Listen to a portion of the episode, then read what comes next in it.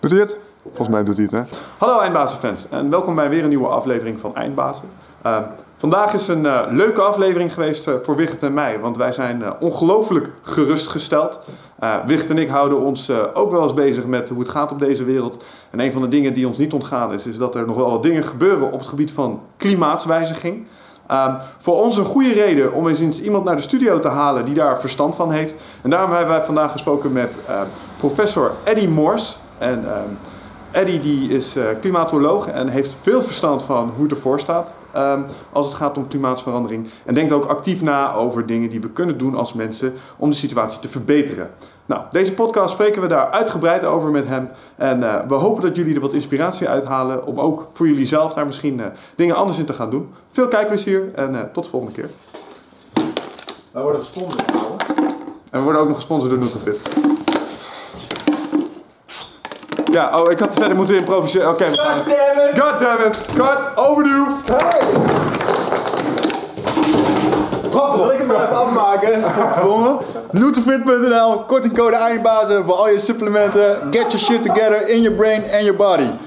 Eindbazen wordt gesponsord door Nutrofit. De webshop voor natuurlijke voedingssupplementen en trainingsmaterialen die je helpen bij het verkrijgen van Total Human Optimization. Nutrofit is hofleverancier van merken zoals Onnit, Natural Stacks en Bulletproof Coffee. Probeer onze producten zonder risico door onze money back guarantee. Bezoek ons op www.nutrofit.nl. Bestel je voor 9 uur s avonds, dan zorgen wij dat jouw bestelling de volgende dag geleverd wordt.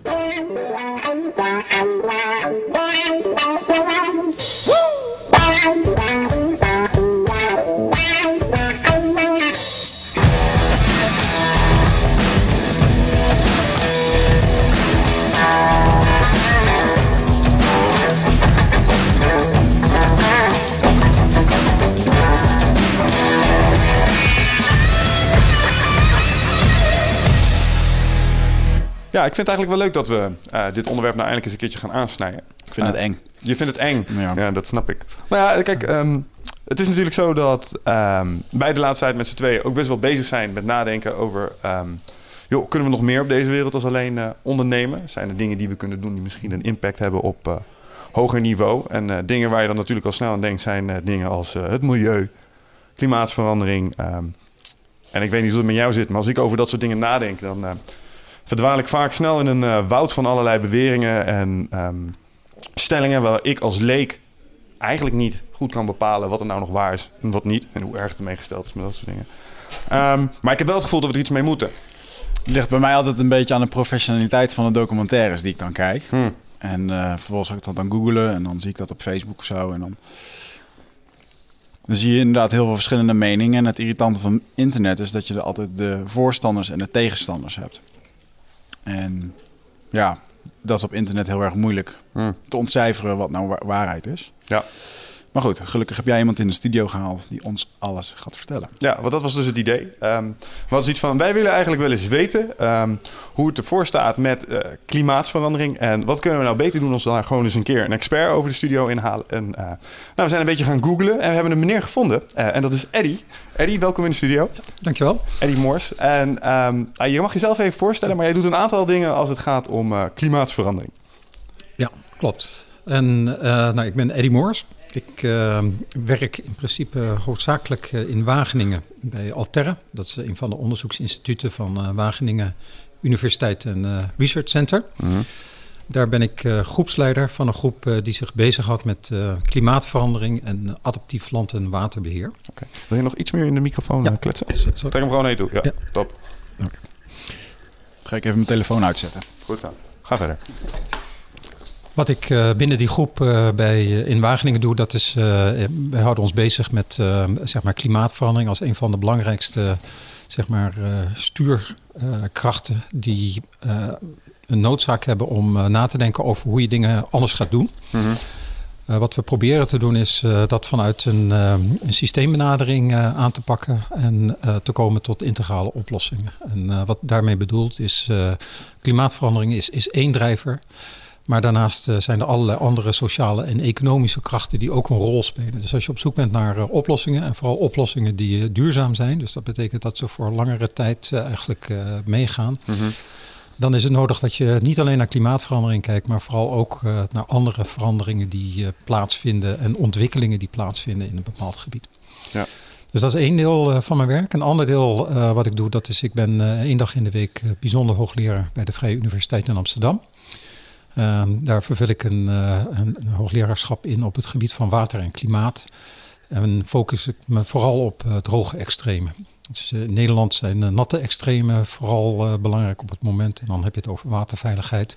In een, heel veel andere delen van de wereld zijn eigenlijk de droge extremen gecombineerd met hitte een, een, een groot probleem waar veel, veel aandacht voor is. Mhm. En volgens mij ook nog veel meer aandacht voor nodig is. Ja. Ja, want eh, laten we gewoon ehm, eh, op het hoogste niveau daarmee beginnen. Als het dan gaat om klimaatverandering, zie je de laatste tijd dat eh, zowel bij overheden als bij het publiek dat daar een soort bewustwording aan het ontstaan is. En als ik dat dan bekijk, dan bekrijg ik mij altijd het gevoel, ja, dat is mooi. Maar volgens mij zijn er al een aantal, een aantal jaren mensen aan het roepen dat je hier iets op moet gaan doen. dat het al vijf voor twaalf is. Nu lijken we eigenlijk in beweging te komen. Ehm, maar wat ik me daar dan telkens bij afvraag, maar is het dan niet een klein beetje te laat, jongens? Want er zijn een aantal dingen die worden gepostuleerd. Van, joh, maar dit gaat er gebeuren als we ons gedrag niet aanpassen. En hé, hey, kijk, er gebeuren gekke dingen.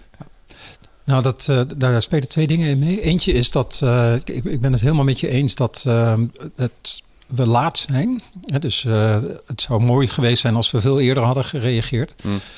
Een ander probleem is een klein beetje dat er een soort eh, geheugen in, in ons eh, systeem aarde zit. En dat geheugen van dat systeem, dat zorgt ervoor dat veranderingen die nu bezig zijn, zelfs al zouden we in één keer met z'n allen zeggen van we stoppen met alle uitstoot van broeikasgassen, dan nog gaan die veranderingen langzaam door.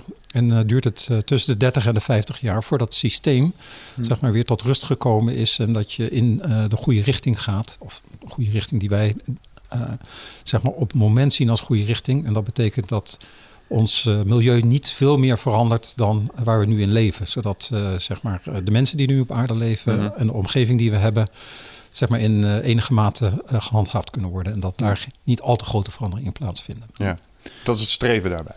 Dat is het streven. Maar dat betekent dat wij in de komende 30 tot 50 jaar nog steeds een aantal veranderingen zullen zien. Eh, zowel in het klimaat als veranderingen ook in, in het milieu. Ja, Waar we rekening mee moeten houden. En dat is wat eh, zeg maar in eh, klimaattermen vaak eh, adaptatie eh, wordt genoemd. ja.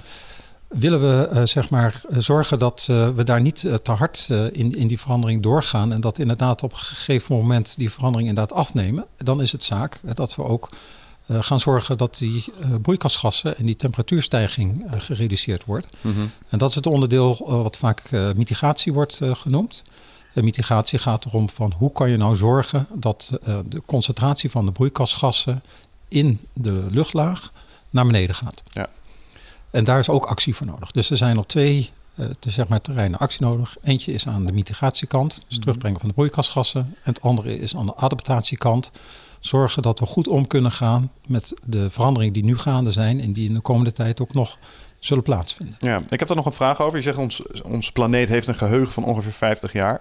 Ehm, zeg je daarmee ook dat alles wat we nu uitstoten pas over 50 jaar zijn volledige effect heeft? Of is dan pas klaar met nawerken? Hoe werkt dat?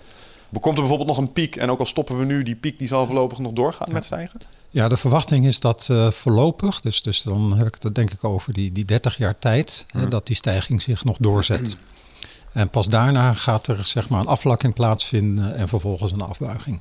Ja. En dat geheel dat hangt dus een beetje af van hoe we omgaan met het eh, verder terugbrengen van de uitstoot van broeikasgassen. En mooier nog, het, het opnemen van die broeikasgassen in eh, bijvoorbeeld de oceaan of in het landoppervlak, bomen, aarde. Ja.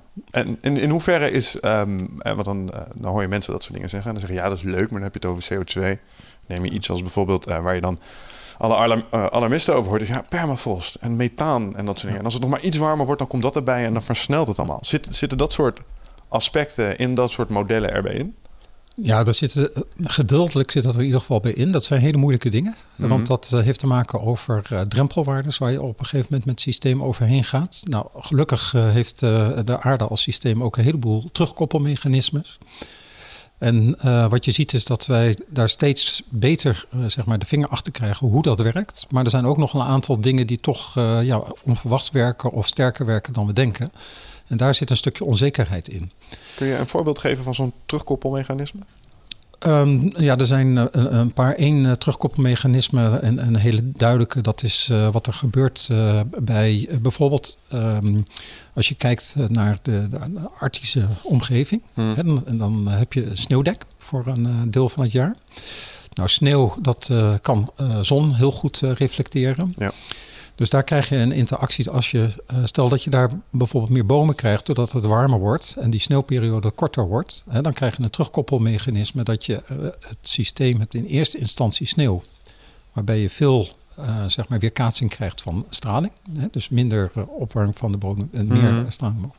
Als je bomen krijgt, dus dat groener wordt, hè, die kunnen meer warmte opnemen. Ja. Tegelijkertijd is het zo dat uh, bomen ook weer uh, zorgen dat er meer CO2 wordt vastgelegd. Dus daar zit een verandering in.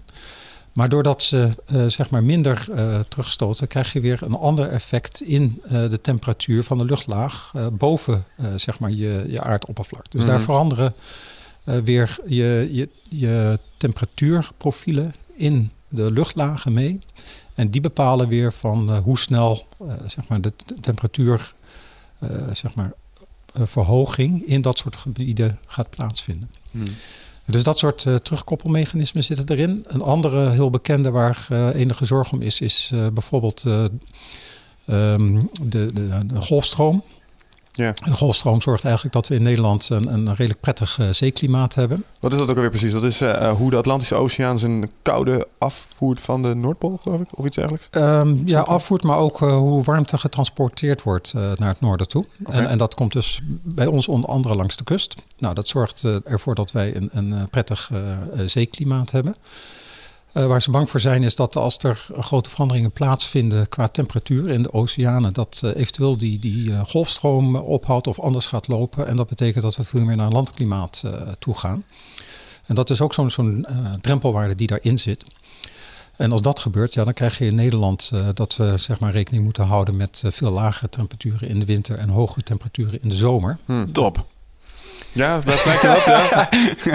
dat is ook wat mijn dochter vanochtend zei toen ik haar vroeg... Uh, wat zou jij nou prettig vinden met klimaatverandering? Toen zei ze van, nou, ik zou het prettig vinden als het iets warmer werd vandaag. Nou, ja. Maar hoe zit dat dan? Want uh, wat je uh, klimatologen dan vaak hoort zeggen is... ja, maar jongens, let op, weer niet is klimaat, zeg maar. Dus die twee dingen Klopt. mag je niet met elkaar vergelijken. Nee. Hoe zit dat? Want die dingen lijken hand in hand te gaan in mijn hoofd. Ja.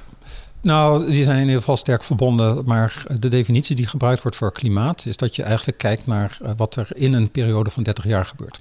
Dus hmm. eigenlijk is uh, klimaat een reflectie van het uh, gemiddelde weer over een periode van 30 jaar. Oké. Okay. Hmm. Wat zijn eigenlijk de basispijlers van klimaatverandering? Want we uh, bespreken nu een aantal dingen. Maar wat is nou eigenlijk gewoon... ik geloof dat er vijf oorzaken zijn die dit... Vijf grote oorzaken, zo moet je dat eigenlijk zeggen. Nou, noem ze eens. Nou, uh, ik heb uh, Cowspiracy gekeken, onlangs. Yeah. En daaruit mag ik concluderen dat geloof ik 54% door uh, agrarisch... Door, door de agrarische industrie komt. Heel veel waterverbruik, veel bossen waar vee gestald moet worden. Puur vleesconsumptie en dat soort dingen. En ehm, daar was ik niet blij mee. Dan ben ik minder vlees door gaan eten, dus dat is goed. Ik kijk de ja. documentaire heel bewust niet. In de, in de, maar daar gaan we het zo meteen nog even over hebben. I got my facts, man. Ja, dat was ook wel. en, uh, um, industrie. Ik dacht verantwoordelijk voor 13% van de uh, verandering. Dat zijn dus de fabrieken en dat soort dingen. Dan hebben natuurlijk nog de auto's. Uh, dat valt dan nog, of misschien viel dat samen. Dat valt dan volgens mij nog allemaal wel mee. Um, waren dat ze niet ja, gewoon? Dat, dat zijn er drie, hè? Nou, ik heb uh, de getallen niet uh, zeg maar allemaal in mijn hoofd zitten. Uh, maar, maar, die zijn, ja, precies, die zijn goed op te zoeken. wat even wat belangrijk is, is misschien in ieder geval aan te geven, is dat het een beetje verschilt per land. Mm -hmm. En als je bijvoorbeeld in Nederland kijkt, dan zal het ook per provincie wat verschillen. Uh, wat uh, je bijvoorbeeld voor Nederland ziet, is uh, dat inderdaad transport, hè, dat is een belangrijke sector in Nederland. Nou, die speelt, speelt, inderdaad daarmee ook een grote rol in, in de uitstoot van broeikasgassen. 13% zie ik hier. Een andere, dat is Bijvoorbeeld onze, onze gebouwen. Hè, dus in, eh, waar we veel aandacht aan besteden in Nederland op het moment is om te kijken of we op een andere manier kunnen bouwen. eh, zodat de gebouwen energiezuiniger worden en daarmee ook eh, die uitstoot eh, terugdringen. Mhm. Ik weet niet wat het percentage is, maar het zal hoog zijn. Nou, er staat hier eh, dat eh, eh, eh, dieren, eh, animal agriculture is 18% voor alle greenhouse gases, verantwoording. Ja. En ehm, het gaat meer ook, nog eens een keertje om de bijproductie die eh, vee, bijvoorbeeld eh eh, carbondioxide. Eh, Dat is 51% wereldwijd. Ja. Dat is wel echt heel veel. Precies, als je wereldwijd gaat kijken, dan wordt landbouw veel belangrijker. Ja. En ik, ik denk zelf ook dat voor Nederland dat op een gegeven moment, stel dat we inderdaad die slag heel goed maken in de huizenbouw, in het transport. Er worden wat eh, nou, aannames gedaan over toename van elektrische auto's. Mhm. En dat betekent dat je energie op een andere manier eh, kan gaan winnen. Als je dat inderdaad echt op een duurzame manier ook die energie kan winnen, dan eh, is daar een, een grote winst te halen. Hetzelfde geldt dus voor die gebouwen. Op dat moment wordt het procentuele aandeel van de landbouw in Nederland ook weer belangrijker. Ja. Dus dan wordt het belangrijk om daar meer aandacht aan te geven. En het zou goed zijn om daarmee te beginnen. En er zijn ook wel heel veel ideeën over eh, hoe je dat kan doen. Zeker in Europees verband en wereldwijd. Komen termen als eh, ja, climate smart agriculture aan de Mhm. orde. Nou, in Nederland eh, zit het, er zitten drie onderdelen in. Eén is dat eh, we willen nog steeds dat de voedselproductie toeneemt. Omdat er gewoon een groei van de hele wereldbevolking aan zit te komen. Maar daarnaast zouden we ook een landbouw willen hebben waarbij de uitstoot reduceert. En een landbouw die beter bestendigd is tegen klimaatverandering, het adaptatiedeel. Ja. Nou, want in Nederland is het adaptatiedeel niet zo belangrijk, omdat wij eh, zeg maar een landbouwsysteem hebben wat redelijk goed in staat is om daarmee om te gaan. Mhm. Maar het mitigatiedeel wel. Ja. Dus in Nederland ligt de aandacht dan in de landbouw wat meer op het mitigatiedeel dan op het eh, adaptatiedeel. Maar in andere landen is dat anders. Neem je eh, wat landen in Afrika of in Azië, daar is droogte heel belangrijk. Ja. Dus daar eh, zit naast die voedselproductie, omdat ze eh, zeg maar die enorme bevolkingsgroei nog eh, gaan krijgen de komende jaren, ook het adaptatiedeel als een belangrijk onderdeel erin. Maar het zou goed zijn als daar ook het mitigatiedeel wordt meegenomen. Nou, dat zijn onderwerpen waar zeg maar, veel meer aandacht voor aan het komen is. En dat is vooral ook naar aanleiding van de laatste grote conferentie in Parijs over klimaatverandering. En het is mooi om te zien dat zeg maar, zowel vanuit overheden, maar vooral ook vanuit zeg maar privépersonen, maar ook bedrijven, dat er toch veel meer aandacht begint te komen om dit soort dingen echt eh, te gaan doen. Mhm. Maar hoe, hoe kijk jij daarnaar? Want als ik bijvoorbeeld zo'n documentaire kijk die eh, absoluut gemaakt is door de, door de tegenpartij die zegt van joh, eh, er is helemaal geen voedseltekort. Alleen onze distributiesysteem is gewoon verrot. En eh, hè, als we wat, min, wat minder zouden consumeren, je bent daar bewust mee, dat geloof ik een hamburger kost 1200 gallons. Hoe is een gallon? Veel. Volgens mij eh Ja. Vier liter wel, 4 liter? ongeveer. Ja. 48, Ja. 4800 liter voor een hamburger. En dan heb je het dus over eh, landbouw wat gesproeid moet worden. Die koe die continu water moet hebben. Productie, bla bla bla bla. Voor een hamburger van McDonald's. Wat niet eens echt eh, een hamburger is. Hmm. Ja, dat vind ik wel heel erg veel. En ehm, als ik dan dat soort dingen zie. En dan, eh, volgens mij die conferentie in Parijs was dat twee maanden geleden of zo? Of niet? was in eh, zeg maar december, ja, twee Ja, maanden ja. geleden ongeveer. En ehm, dan denk ik, als ik dat dan zie, dan denk ik, ja, is het nou weer zo'n conferentie waar alle overheden doen alsof ze er wat aan willen doen? Want ja, als dan die documentaire kijk, wordt er eigenlijk helemaal niet zoveel gedaan. Hoe kijk jij daar als... eh, eh, ja, je mag er sowieso sceptisch naar kijken, denk ik. Maar ook natuurlijk eh, moet het een bevrijding zijn dat er een, heel veel aandacht aan dit onderwerp wordt Nou, gegeven. wat, wat mij betreft, ik zie dat een beetje relatief ten opzichte van eerdere conferenties. En dan ben ik wat hoopvoller wat deze conferentie. Ik, ik denk uiteindelijk ja, moet je het gewoon zien om te weten of dat inderdaad gebeurt. En wat natuurlijk eh, altijd meespeelt is, eh, overheden zijn heel erg gevoelig voor, eh, voor triggers op het moment. Hè? Ja, Dus eh, als er iets anders gebeurt, ehm, en, en dat kan natuurlijk van alles zijn. een moordaanslag in Parijs. Precies, hè, dan, dan oorlog. ineens zeg maar, slaat de, de, de prioriteit in de politieke agenda om. Ja, En dan komt ergens anders de aandacht te liggen. Het is zo dat de landen, zeg maar, nu vanaf april, en ik geloof dat het de 22e is, en dan is er een officiële happening om de ondertekening van eh, zeg maar die eh, eh, afspraken ook daadwerkelijk eh, daar neer te gaan zetten. Nou, dat is een eerste stap in ieder geval voor overheden om te doen. En dan hebben ze het hele jaar de tijd om andere overheden mee te gaan. Ja, voor mij zou het heel duidelijk zijn als er veel landen en vooral landen die uh, inderdaad een grote emissie hebben, daar gaan tekenen. Nou, dan zie ik uh, ook vanuit die nationale overheden daar wat gebeuren. Ja. Kijk, als dat niet zo is, ja, dan zal in ieder geval vanuit de nationale overheden wat minder gebeuren. Maar gelukkig heb je ook nog een aantal andere dingen die spelen. Er zijn een heel aantal steden. Er zijn in de Verenigde Staten een aantal staten die onafhankelijk van wat uh, aan de nationale overheid doet, toch hun eigen pad volgen en wel daarmee bezig zijn.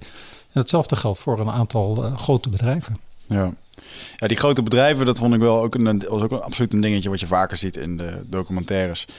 Um, dat grote bedrijven in de voedsel een hele hoop um, bepalen. Onderzoeken die worden geschreven, maar ook onderzoeken die, voor een, die door gefund worden door uh, mm. de voor- en tegenpartijen. Um, als je die langs elkaar legt, dan zie je daar vaak ook wel wat, wat rare verbanden in.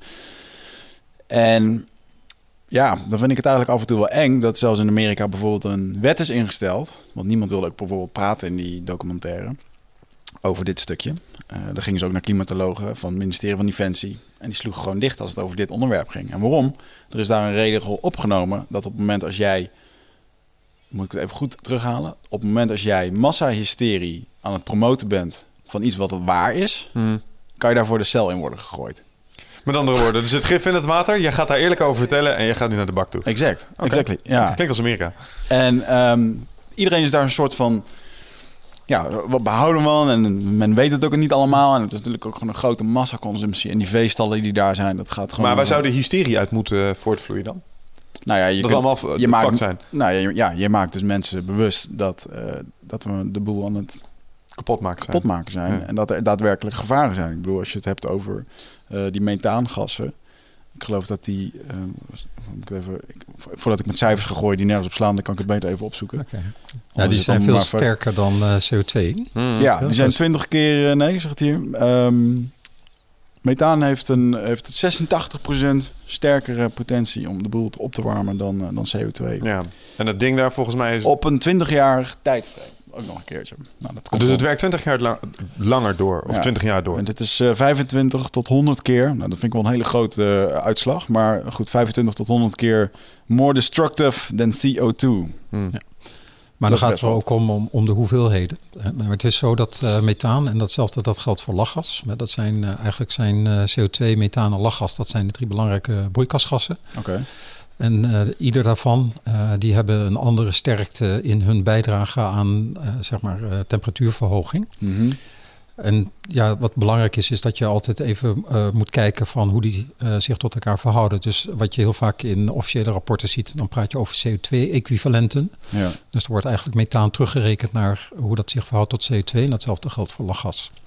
Dus we mogen ook geen lachgas meer op feestjes pakken. Nee, blijkbaar niet. Oké, daar ben ik ook schilder aan geweest. Hmm, Oké. Maar hoe zit dat met, eh, met methaan precies dan? Want eh, het is een issue omdat, als ik het goed begrepen heb... het zit of in de oceaanbodem opgeslagen... of in de eh, eerste aardlaag. En die is nu aan het ontdooien. En daardoor komt het straks vrij in de atmosfeer. Als de temperatuur zal stijgen met een x-aantal graden. Nou, er zijn een, een paar belangrijke dingen als je het even over landoppervlakte hebt. Bijvoorbeeld Nederland in het veenweidegebied. Daar hebben we ook eh, veel methaan in zitten. Oh. Op zich eh, blijft dat eh, methaan best goed daar zitten. Behalve als je zo'n gebied gaat draineren. Dus eh, voor veel landgebruik, eh, eh, ja, landbouw of, of ander gebruik, dan wil je dat graag draineren. Omdat als je dat niet doet, dan is het zo zacht, dan kan je er niet op lopen. En dan kunnen de koeien niet naar buiten of je kan er geen weg op leggen. En dus vaak wordt dat gedraineerd. Nou, dat geldt niet alleen voor Nederland. Duitsland heeft dat soort veengebieden. Als je kijkt naar de Scandinavische landen, hebben ze dat. En bijvoorbeeld in de Scandinavische landen wordt op dat soort gebieden een, een wilgentilt eh, gepleegd. En daarvoor worden die landen ook eh, gedraineerd. Dus dat betekent dat er relatief veel methaanuitstoot is.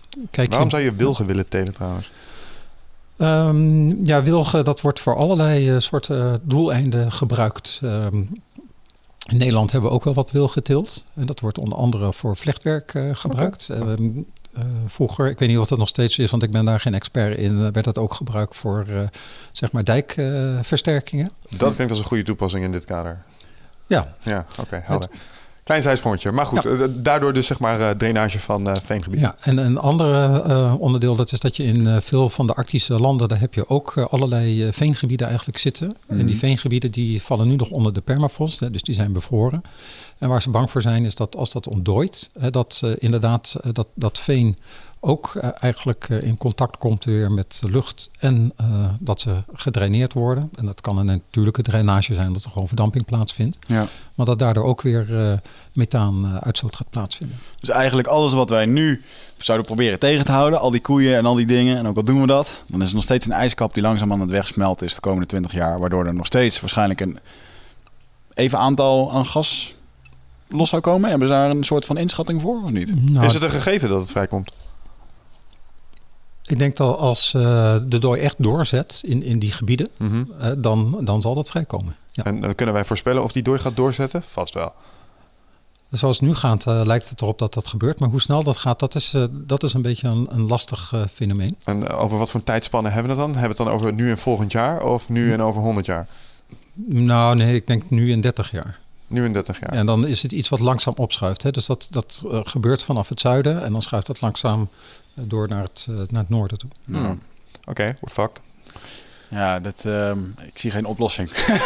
nou, dat is dus de, ja, maar dat is dan de keerzijde. Ik heb wel in dat opzicht wel, eh, denk ik, een positief toekomstbeeld. Want ik weet dat bijvoorbeeld mensen nu ook aan het nadenken zijn over soortgelijke issues die op de zeebodem hebt. Om het probleem nog maar eens even een keer even iets complexer te maken. Want op de zee heb je soortgelijke issues. Er Mhm. zit ook methaan onder de zeebodem. En door het opwarmen komt dat inmiddels ook vrij. Ik heb wel begrepen dat moeder natuur volgens mij ook terugkoppelmechanismes heeft. Want volgens mij eh, komen in dat soort gebieden waar die methaan plots naar boven komt, ontstaan eh, plots allerlei plankton en allerlei andere kleine microben die daar heel goed op gedijen. Oké. Dus die gaan in één keer floreren daar. Dus die consumeren al die methaan voordat het boven bij het aardoppervlak komt. Mhm. Dat is één. En ik geloof dat wetenschappers ook naar dat kunstje hebben gekeken. En denken, hé, hey, dat is geinig. Maar wij kunnen ook nanobotjes bouwen die hetzelfde zouden kunnen doen. Dus die zou je ook nog eens in zo'n gebied los kunnen laten om... Dus er zijn wel mensen bezig met problemen voor dit soort... En de oplossingen voor en dit de soort gedachte als zoiets, ehm ehm, moeten we zeker nog even antwoord horen. Maar de gedachte als zoiets, zoiets ze gaat smelten, Hmm. dan zou die grond op, zich, op den duur ook weer vruchtbaar moeten worden. Zouden planten, bomen moeten komen, wat dan weer CO2 moet. eh, Nou, dat, dat, dat is dus... eh, H2O moet ik zo zeggen, sorry. Ja, Ja, nou, een, een van de dingen is dat eh, bomen eh, zeg maar in principe in staat zijn om inderdaad veel CO2 op te nemen. Dus je hebt andere manieren om dat weer vast te leggen. Hmm.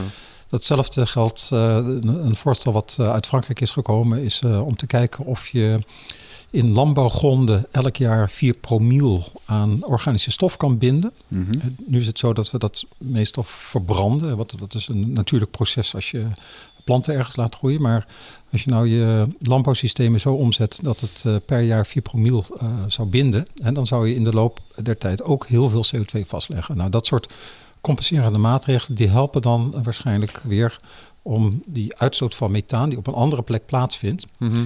eh, om dat te compenseren. Dus ik denk dat we op zoek zijn zeg maar naar maatregelen die kunnen helpen om CO2 op te nemen. En we weten dat het op andere plekken vrijkomt. Zou ook altijd gebeuren. Dus, dus Mhm. dat op zich helemaal niet erg. Als je maar zorgt dat er een balans komt. En nu hebben we even een periode nodig die even doorslaat naar die positieve kant. Hè, dat Ja. we wat meer vastleggen dan er vrijkomt. Ja, want we moeten denk ik niet eh, eh, onderschatten wat moeder natuur zo af en toe zelf ook in dat kader natuurlijk doet. Hè? Ja.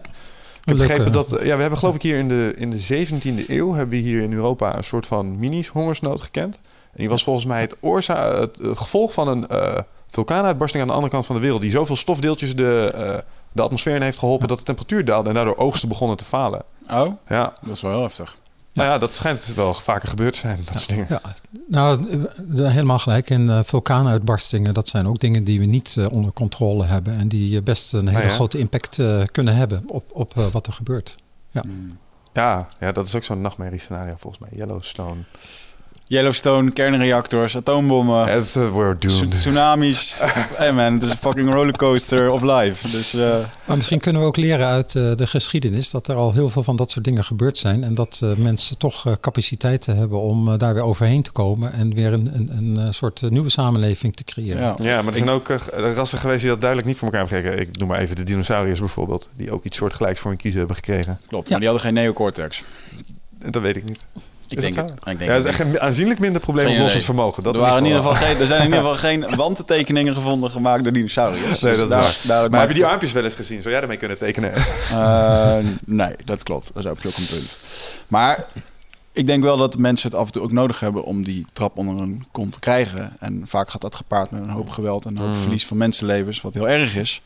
Nou, iets wat mij Maar, wel aan ja, het klopt. denken zetten is wat, wat jij zei, is over overheden. Dat ze nu eh, aan het nadenken zijn hoe ze kunnen samenwerken om die zaken zeg maar, eh, te gaan bolwerken. En dat samenwerking daarvoor nodig is. En dan denk ik, ja, dat is leuk. Maar stel je nou toch voor dat over 30 jaar een aantal van die effecten echt beginnen op te treden. Dan ga je daar op de korte termijn ga je er last van hebben. En die gaan die onderlinge politieke betrekkingen ook ongelooflijk onder druk zetten, denk ik. Kijk, stel je krijgt een waterschaarste hier in eh, Oost-Europa, ik noem maar iets. Dat gaat eh, p- politieke en misschien zelfs wel militaire druk met zich meebrengen. Want het gaat plots om primaire levensbehoeftes. En ik weet niet of we dan nog aan het nadenken zijn over, oh jee, het milieu. Volgens mij zijn we dan alleen maar bezig met, ik moet water hebben. Nou, een, een, een voorbeeld daarvan is eh, bijvoorbeeld wat eh, gebeurd is in eigenlijk het, eh, het, het, het Midden-Oosten, Tunesië, Marokko, eh, Egypte. Eh, voor een deel is dat eh, getriggerd eh, door de tarweprijzen. Dus, dus ehm, voedsel, en dat is ook eh, door de jaren heen, is, is dat altijd een heel eh, belangrijk eh, item geweest. En vooral de prijzen van voedsel. Dus eh, eh, zorgen dat je een, een, een, eh, een kwaliteit van leven hebt. En daarin hoort dus de beschikbaarheid van drinkwater, maar ook van voedsel. En eh, an- andere factoren die eh, belangrijk zijn. Ja, volgens mij is dat eh, uitermate belangrijk om naar te kijken. En dat is waarom ik het ook zo belangrijk vind om niet alleen zeg maar, naar klimaatverandering te kijken. Je moet die sociaal-economische verandering ook vooral meenemen. Ja. Anders dan krijg je geen, geen oplossing. En ik denk eh, dat eh, stel dat we niet in staat zijn om eh, een, een, een crisis te voorkomen in de zin van bijvoorbeeld droogte en vooral schaarste aan voedsel. Ja, dat is natuurlijk een trigger die mensen aanzet om een revolutie te ontketenen. Ja, dat, dat vond ik nou zo bijzonder. Dat ehm, voor voedsel zijn we heel erg bezig om vlees te produceren. Dat het, het water wat nodig is in Amerika om voedsel te produceren voor die dieren en voor dat vee, is vi- een kopje thee. Ja, lekker. Wil jij nog een nieuwe thee? Ik eh, hou me even hierbij. Ja, oké. Met honing, alsjeblieft. Ja. En hebben we koekjes of zo? Of, eh?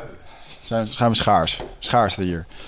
Maar dat de, water, voor, eh, de totale watervoorziening in Amerika, 54% ervan jaarlijks wordt gespendeerd aan het produceren van voedsel voor vee. Wat wij uiteindelijk weer gaan opeten. Ja.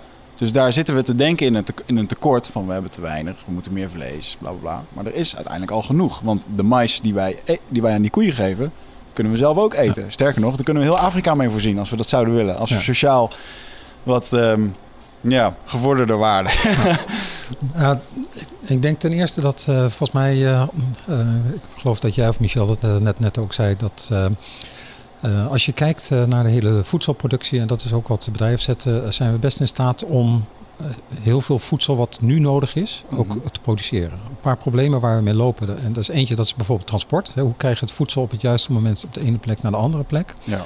En een andere is, waar we vaak tegenaan lopen, is hoe zorgen we dat al het voedsel wat we produceren ook in, in een goede staat blijft. Hè, zodat je dat weer kan consumeren. Dus dat heeft met opslag te maken. Ehm, ik denk dat we op het moment eh, zeg maar tegen de 30% eh, van het voedsel, eh, dat het weer als afval eigenlijk weggaat. Ja.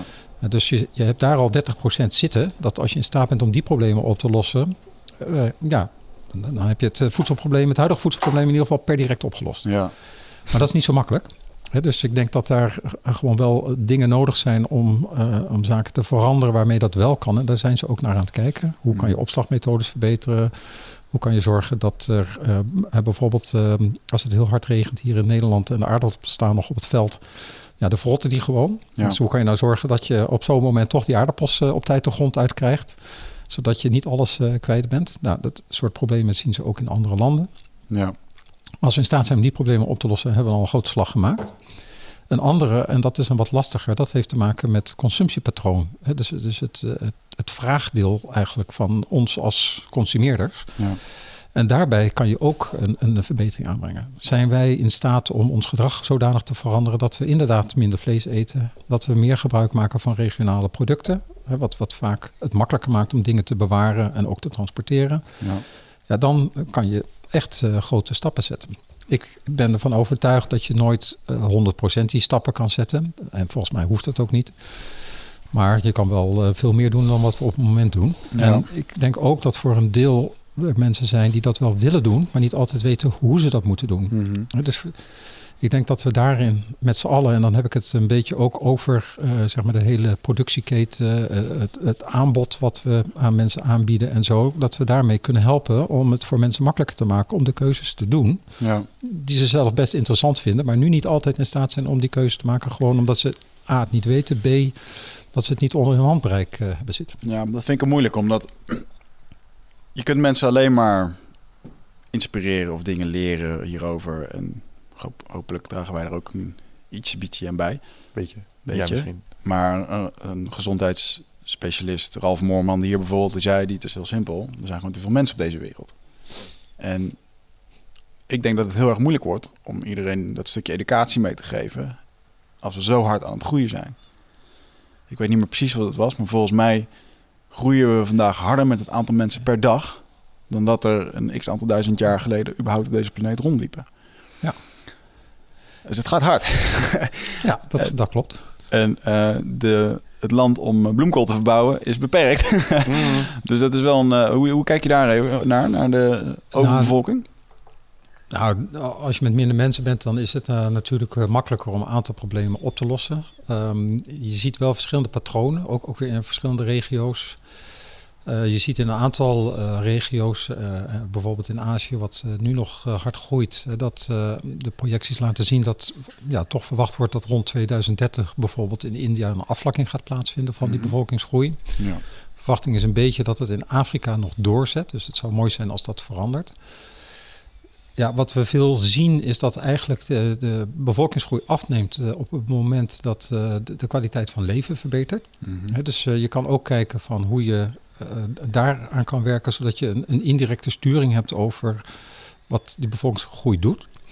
Wat heel interessant is natuurlijk, is uh, er zijn ook een aantal uh, landen waarbij je echt een, een vergrijzing toe aan het werken bent. En dat is een constructie waarbij je naar minder mensen toe gaat. Nou, daar hebben we allerlei problemen mee, ook, ook hier in Nederland. Mm-hmm. Dus hoe los je dat nou op? En ik denk dat daarin ook ja, nagedacht moet worden van hoe kan je nou zorgen dat in een zeg maar verouderde maatschappij, dat je toch nog ja. weer naar een goede toekomst toe kan werken en ook die ouderen kan blijven betrekken in, in, in wat je doet. Ik miste alleen één land, China. Ja. Dat baart mij wel erg zorgen. Die noemde je net niet. En daarom vraag ik het nu. Mm-hmm. Maar China heeft volgens mij net de wet veranderd dat je twee kinderen mag hebben in plaats van één. Nou, hartstikke aardig. Maar ja, ook een triljoen mensen die daar een tweede kind waarschijnlijk willen hebben en dat uh, dit jaar gaan maken. Dat gaat wel echt super hard. Want China is ook echt een macht die heel erg oncontroleerbaar is. Alles wat wij doen hier volgens mij in Nederland om uh, een beetje groener te zijn, wordt volgens mij in een paar weken compleet weggevaagd door alle fabrieken die daar uit de grond gestampt worden en de, de vele mensen die daar wonen. Ja. Ik zeg, je hebt wel een oplossing voor je vergrijzingsprobleem. Ja, China. Ja. in het algemeen. Nou, wat, wat uh, China is, is natuurlijk een, een uh, apart en heel interessant land. Ik vind ook als je dat vergelijkt met bijvoorbeeld Japan en met India, dan heb je twee andere uh, eigenlijk samenlevingen met ook een grote bevolkingsgroepen die op heel verschillende manieren daarmee omgaan. Uh, wat er in uh, China gebeurt, uh, en dat heeft een beetje ook te maken, denk ik toch ook wel met, met ons e economisch gedachtegoed. En ik ben zelf geen econoom, dus ik, ik daag van harte economen uit om mij daarin te verbeteren. Maar een, een groeipatroon of, of een blijvende groeipatroon voor een economie. En als je de economie wil verbeteren, is dat je een relatief jonge uh, bevolking moet hebben. En waarbij veel mensen in het arbeidsproces betrokken kunnen worden. Ja. Ja. Nou, dat is uh, voor China een stimulans om te zeggen van nou wij moeten uh, jonge mensen hebben, want anders dan houden we ons zeg maar groei in ons bruto nationaal product niet vol. Ja. En, en, wij willen economisch beter worden, want wij willen het voor onze bevolking beter maken. Sluit aan bij wat Elon Musk zegt. Die zegt ook alle hoogopgeleiden zijn op dit moment waarschijnlijk niet bezig met kinderen, omdat ze een, een grim toekomstbeeld hebben.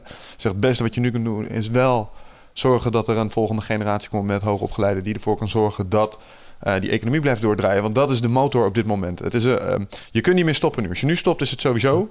De enige kans die je nog hebt is doorstoten. En hopen dat je genoeg economische en technologische groei pakt. om de problemen te kunnen tackelen. Ja. In zijn visie, ik weet niet of dat waar is, maar Ik had onlangs een pittige discussie met iemand die op een politieke partij wilde stemmen. waarbij minder aan onderwijs werd uitgegeven, want hij had dat toch niet nodig. Hmm. Zeg, nou, dat is echt de meest bekrompen gedachte die je, had, die je hebt. Want jij wordt later verzorgd door de mensen die nu naar school te gaan. Yep. En het feit dat jij dat nu voor jouw eigen komende tien jaar, voor jouw welzijn, zo bekijkt, is te stomzinnig voor woorden. Toen was de discussie ook afgelopen. Ja, dat weg. vond hij het leuk. Nee, ja, maar het is toch gewoon zo, weet je. je het is heel erg belangrijk om door te blijven ontwikkelen. En, en je weet zelf, je worden, we worden zelf ouder. We gaan vasthouden aan oude patronen. Straks hoeft al die verandering niet meer. En zeker technologische verandering niet. Dus je hebt daar gewoon de jongeren voor nodig. Mm. Nou, dat ben ik met je eens. En ik, ik moet eerlijk zeggen dat ik vind eh, scholen in een ander opzicht ook nog belangrijker. Want het ene onderdeel is dat je een aantal technische vaardigheden leert, hè, zoals lezen en rekenen. Maar tegelijkertijd, je leert ook omgaan hè, met, met eh, mensen in je samenleving. Ja. En eh, dat onderdeel, dat vind ik minstens zo belangrijk van, van scholen als eh, het, het eh, technische deel wat je leert. En ik denk zelf dat, kijk, als, we nu ook weer naar Nederland en onze eigen samenleving kijken, maar ook op een aantal andere plekken, dan is het op, een goede manier met elkaar omgaan en met elkaar kunnen samenleven op een, een relatief klein stukje van de aarde.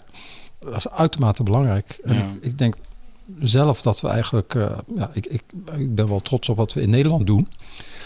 Eh, niet alles, maar een heel aantal dingen wel. En ik denk dat het leuk is om eh, te kijken of je andere landen ook kan helpen die nu naar zo'n dichte eh, bevolkings, een, grote bevolkingsdichtheid aangaan. Of we hun kunnen helpen om te laten zien hoe we dit in Nederland gedaan hebben. En dan doe ik even de goede aspecten daarvan. Mhm. Kan, kan je die eens benoemen? Wat doet Nederland goed en wat doet Nederland slecht? Nou, ik denk dat Nederland bijvoorbeeld heel goed bezig is geweest om met zijn ruimtelijke ordening om te gaan. En eh, op basis daarvan een eh, situatie te creëren waarbij je met heel veel mensen op een klein aardoppervlakte werkt, maar allerlei eh, dingen van waarde worden meegenomen. Dus we hebben en een, een, toch een redelijk goede economie. We zijn in staat op landbouwkundig gebied een heel aantal dingen te doen. Maar we hebben ook een, een stukje natuur. Ruimte voor mensen om te recreëren. Ik zie de waterkwaliteit op veel plekken gewoon verbeteren. Dus ik denk dat wij op die manier best eh, heel, heel goed bezig zijn. Ja, dat denk ik ook. En nu het slechte? Nou, het slechte deel, eh, ja, dat, dat, daar heeft iedereen eh, zijn eigen mening over. Ik, ik vind zelf, als ik in het buitenland ben, dan vind ik het leuk als mensen tegen mij zeggen dat ze Nederland zien als een tolerant land. waarbij allerlei mensen, zeg maar, een, een mogelijkheid hebben om daar een of andere rol of een bijdrage in te leveren. Ja. Ik vind een van de kanten die Nederland heeft, eh, wat wat mij betreft nog verder versterkt mag worden, dat is de creatieve kant. Dus ik zou het heel leuk vinden als je eh, open staat om meer creatieve mensen ook eh, naar binnen te halen. En ik denk zelf dat je dat versterkt juist door diversiteit. Ja. Ja, daar zijn natuurlijk in Nederland wat bewegingen gaande. En ik begrijp ook wel waarom dat gebeurt. Maar ik denk niet dat dat, dat, dat, goed is. Waarbij je toch een gesloten land wordt. waar- Waarbij je minder open staat voor ehm, ook de goede dingen. En eh, ik begrijp dat je de slechte dingen niet wilt. Maar Logisch. hebben we het nu over eh, de asielzoekers aanvragen en dat soort? eh, Bijvoorbeeld. Oké. Ja, dat, dat, kijk, met eh, asielzoekers aanvragen, dan maak je het ook lastig voor andere mensen. Want het gaat niet alleen om asielzoekers. Het gaat ook Expats, alles. Ja. Ja, het gaat ook op mensen met een, een, wel een hele goede ehm, reden om naar Nederland te komen. En met die reden bedoel ik meer omdat ze hier dingen willen doen, samen Ja. met Nederlanders, om wat te bereiken. Ja, voor hun wordt het ook minder aantrekkelijk om te komen als je met dit soort dingen eh, zo omgaat. Maar als je nou eens kijkt naar waarom die mensen hier naartoe komen. Hè? En ik hoor jou daar straks iets zeggen over een stukje bewustwording van consumptiepatronen. Is de reden dat ze hier. Een heleboel komen natuurlijk voor het, eh, ontsnappen aan oorlogsgeweld. eh, maar een deel natuurlijk ook economische vluchtelingen. Omdat hier het, het Westen lijkt een soort hemel voor ze. Hè? Alles kan hier. En het zit in de menselijke aard om daar zoveel mogelijk van te willen hebben. Is het niet zo dat naarmate de welvaart over de wereld zal toenemen, dat die mensen precies hetzelfde zullen krijgen als wij, namelijk meer, meer, meer? En dat die bewustwording die ervoor nodig is om die uitstoot en die consumptie, zeg maar, die daaraan gekoppeld is, terug te brengen, dat dat eigenlijk helemaal niet zo in ons mensen zit. Kunnen wij dat leren als mens? Eh, nou treed je een beetje buiten mijn expertiseveld als eh, Ja, maar heb je daar, ja, nee, ik begrijp wat je bedoelt. Maar, maar even vanuit mezelf. als je gewoon zo naar de maatschappij kijkt en je ziet een aantal van die ontwikkelingen en je ziet hoe wij mensen, zeg maar ook hier in Nederland, wat mij dan nog wel eens stoort, is de eh, sense of entitlement die mensen hebben. Het is allemaal zo vanzelfsprekend dat we dit hebben, dus zo hoort dat ook. Terwijl ik denk, nee, maar dat is helemaal niet waar. Snap je? Nou, ik, ik heb daar een wat uh, gemengd beeld over. Ik denk dat er zeker mensen zijn die dat wel in zich hebben. En ik denk ook dat er een aantal dingen in Nederland plaatsvinden waarbij dat uh, gewoon gebeurt. En waarbij mm. mensen zich actief opstellen om, om dingen in een goede richting te veranderen. Ik denk tegelijkertijd, mensen zijn gevoelig voor uh, marketing. En ik, ik denk dat je kan marketing ook op een goede manier trouwens doen.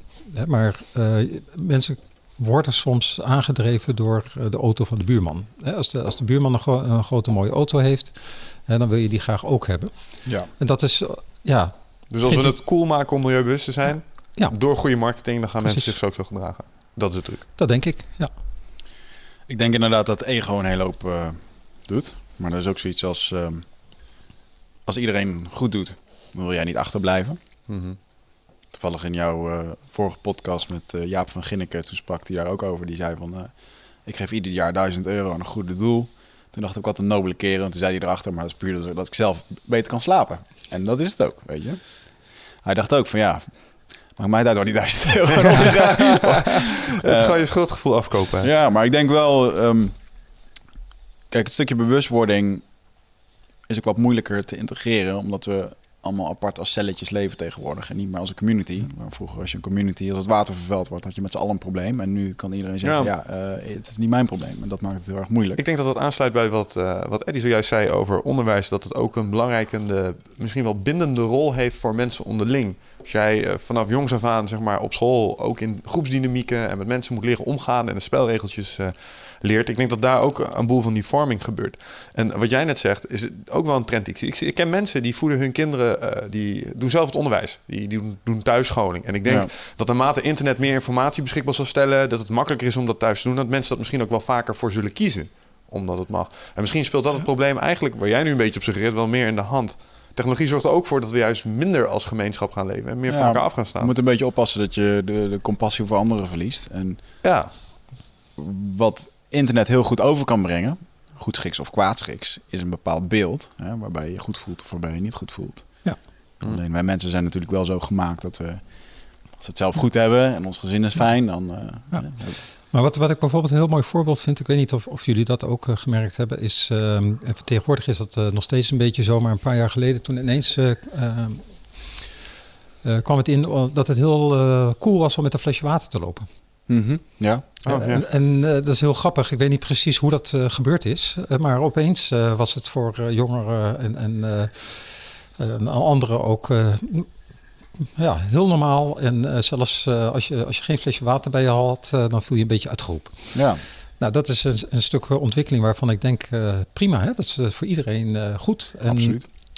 dat soort dingen, dat zou meer kunnen gebeuren. Mm -hmm. En ik denk dat het leuk is als uh, er meer mensen ook na gaan denken over wat je dan kan doen. En ik zie dat ook wel een beetje gebeuren. Je ziet in Nederland uh, veel, veel kleine bedrijfjes en ZZP'ers komen. Mm -hmm.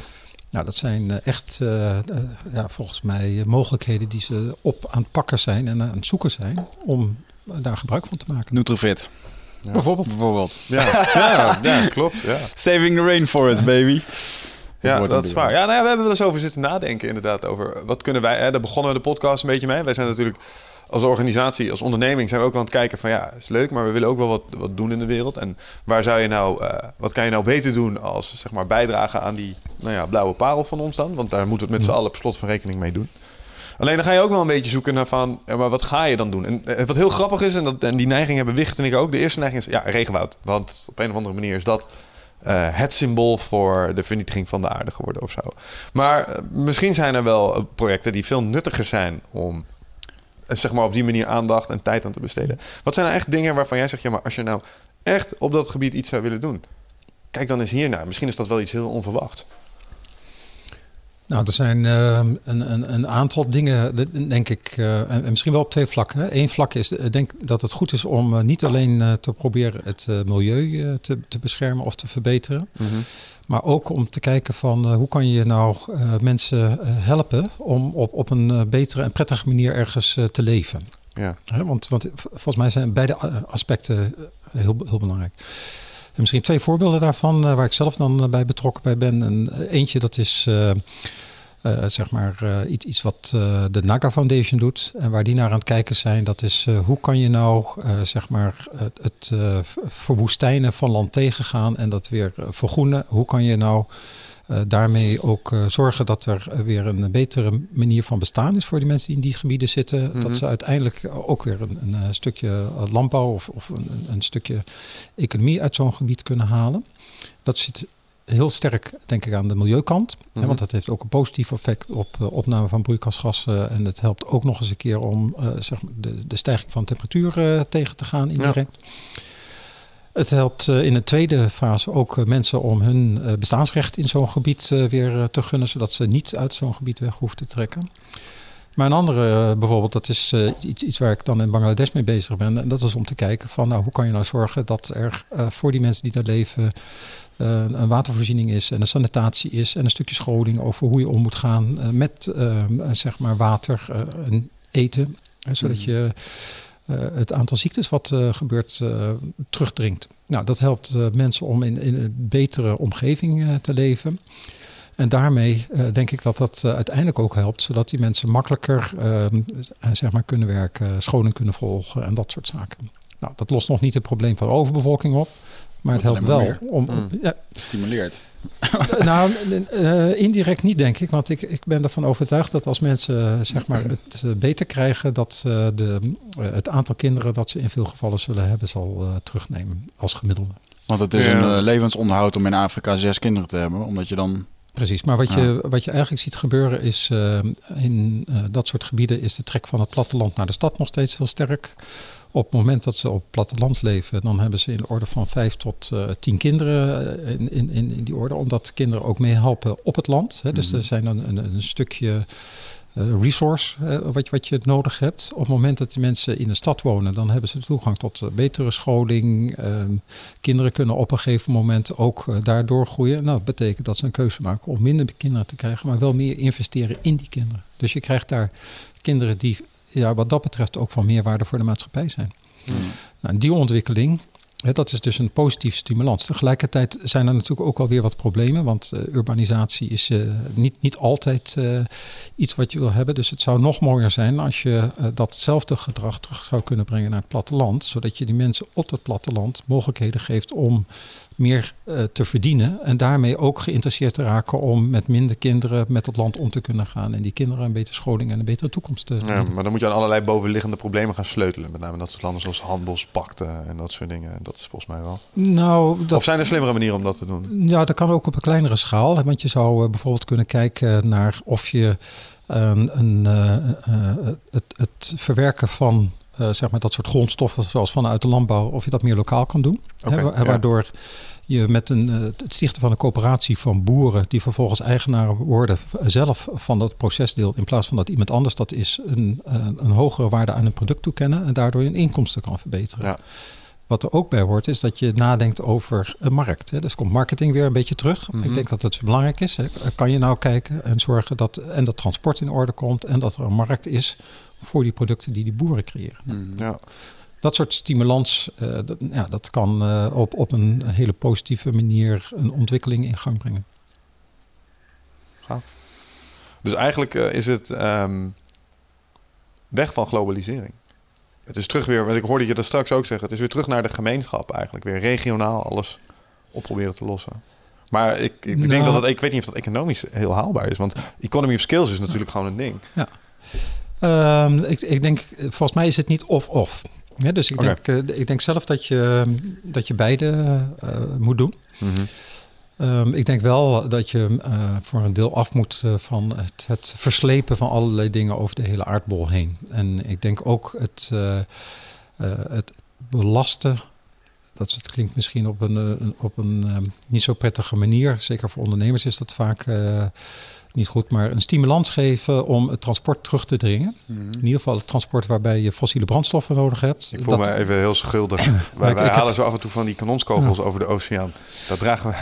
Ja, ja. kettlebells. Ja, maar ik vind dat wij als ondernemer echt gewoon niet gestimuleerd worden in Nederland om überhaupt te gaan ondernemen. Want, eh, nou, dat is misschien een hele andere discussie. Ja, ik maar kan het zeggen. Maar als iemand een- nog subsidiepotjes zat, heeft... er zat een lontje wat je aangestoken hebt. Maar, Nou, Sorry, maar je kan het ook op een andere manier doen. Hè. Eh, Het hoeft niet eh, via belasting te gaan. Het kan ook gaan eh, voor de stimuleren. Toevallig vanochtend op de radio boeren die krijgen per koe, ik geloof eh 700 euro als die eerder zeg maar het, het land opgaat. Ja, dat is een positieve stimulans. Nou, stel eh, dat jullie een keuze hebben om die kanonskogels van jullie eh, te transporteren en je kan gebruik maken van een ander soort vervoer eh, dat eh, minder eh, eh, belastend is eh, eh, wat betreft eh, uitstoot, Postduiven. bijvoorbeeld, dan ehm, is dat voor jullie een stimulans om dat die manier te doen. Kijk, Ja. als het goedkoopste is om via de scheepvaart, wat op het moment een bron van zorg is, eh, ook, ook, ook qua luchtvervuiling, ja, dan is, is het prettig als daar een alternatief komt. Maar dan moet je wel een alternatief hebben. En datzelfde dat geldt eh, zeg maar voor veel eh, consumenten, maar dat geldt ook voor ondernemers. Er moet een alternatief komen. En daarin kan een eh, overheid soms helpen om zo'n alternatief van de grond te krijgen. Ja, ik, ik heb daar wat. eh, je noemde net bijvoorbeeld ook van die boeren die dan subsidie krijgen. Mijn moeder die heeft eh, bijna f- 45 jaar lang gewerkt voor Staatsbosbeheer. Kocht land aan en wat boeren daarmee mochten doen. En dan kreeg je helemaal van die grapjes die dan, eh, als iemand bijvoorbeeld een golfbaan wilde aanleggen, dan ben je ook verplicht om x aantal natuur daarbij aan te leggen. En dan ja, dachten ze, als ze daar een paar planten neerzetten, dat het dan natuur was. Nou, het was dan niet zo, om dat soort discussies. Maar dat ging ook over wat boeren met dat land gingen doen. En ehm, ja, een boer die krijgt gewoon subsidie als die bijvoorbeeld mais ging verbouwen. En ehm, hè, we weten allemaal hoe dat mais tegenwoordig uit de grond komt. Met GMO's, allemaal, allemaal andere discussies. Ehm, maar daardoor wordt het wel heel erg eenzijdig. En wordt het ook bijvoorbeeld helemaal niet meer aantrekkelijk gemaakt om voor een, een boer om bloemkool te gaan verbouwen. Want daar hebben we kassen voor. Of, maar dat zorgt er wel voor dat die grond op een gegeven moment ook waardeloos wordt. Omdat je continu hetzelfde aan het verbouwen bent. Hij wil niks anders verbouwen, want hij krijgt subsidie voor dat ene. Ja. En dat is volgens mij ook een puntje met het, eh, met het agrarische landbouw. Dat als we daar continu koeien neerzetten en met al die methaan, op een gegeven moment is het gewoon niks meer waard. Ja. Dan heeft de natuur weer eventjes nodig om daar eh, wat mee te kunnen doen. En ja, dat is even een kleine zijstap omtrent eh, ondernemerschap en subsidies van de overheid. Ja.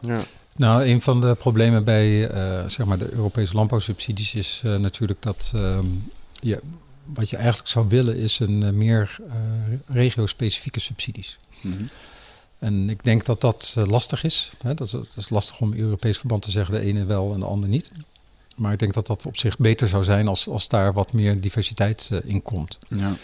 En eh, de reden waarom op een gegeven moment die subsidies zijn ontstaan, die vervallen eigenlijk na een aantal jaren. Dus op een gegeven moment zou je ook moeten kijken of je met dat soort subsidies, soort subsidies moet stoppen. En daar zijn ze ook wel mee bezig. Hè. Ze zijn nu, als je kijkt naar de landbouwsubsidies, ook aan het kijken van hoe kan je nou zeg maar andere waardes ook meenemen. En op basis daarvan eh, kijken of je wel of niet een subsidie moet geven. Ja. Waarden zoals sustainability en Ja. duurzaamheid. Ja, ja, ja. ja. Hmm. Er baart mij nog een ander dingetje wel zorgen omtrent dit onderwerp. En dat is, eh, ik maak me heel veel zorgen trouwens. Moet je doen. Ehm, onlangs ehm, werd er een, zag ik een interview van iemand. Dat was een, dacht iemand een oorlogs, ja, een oorlogsspecialist, of hoe weer dat je dat kan noemen. Dat wij ons nu heel erg druk maken over wat we met onze olie en onze gas en dat soort dingen doen. Maar dat over 30 of 40 jaar er een dikke kans bestaat dat wij eens een keer de eerste klimaatoorlog gaan krijgen. Dat wil zeggen dat mensen niet gaan vluchten vanwege tekorten omtrent brandstoffen, maar dat mensen gaan vluchten, misschien wij wel, omdat de boer hier onder water staat Yep. en wij graag naar Iran willen, omdat daar, eh, eh, dat het daar droog is, bij wijze van Alle spreken. naar Duitsland. Ja. En ehm, eh, eh, komt dat wel eens voor in jouw vakgebied? Heb jij daar wat beelden bij of ideeën? Nou, dat is, dat is een beetje lastig om ehm, zeg maar echt aan het klimaat toe te wijzen vaak. Hè? Want eh, er spelen op, op dat vlak eh, een heel aantal dingen mee, migratiestromen. Ehm, en wat je net zei, eh, Nederland als, als een van de vluchtelingen. Er zijn natuurlijk een aantal eh, eilanden eh, zeg maar op de wereld waarbij echt eh, mensen weg moeten van die eilanden omdat de zeespiegel stijgt. Malediven verdwijnen. Ja, nou, zo, zo zijn er nog een paar. De, de Gilbert-eilanden, eh, daar zitten ze ook met een groot probleem. Turks en Caicos, eh, dat is echt, eh, ja, dat, dat, dat is hooguit één of twee meter boven eh, Ja. de zeespiegel. Dus eh, die, die hebben het echt moeilijk. Ja. Ehm, maar dat zijn vaak relatief kleine eh, aantallen. Eh, wat veel grotere aantallen zijn, dat is wat je nu al aan eh, migratie in Azië ziet. Mhm. Dus de, de mensen vanuit de Filipijnen die in het Midden-Oosten werken, mensen vanuit Nepal. Ik, ik geloof dat er, hoorde ik toevallig laatst, eh, er werken vier of vijfhonderdduizend Nepalezen in Saoedi-Arabië. Ja.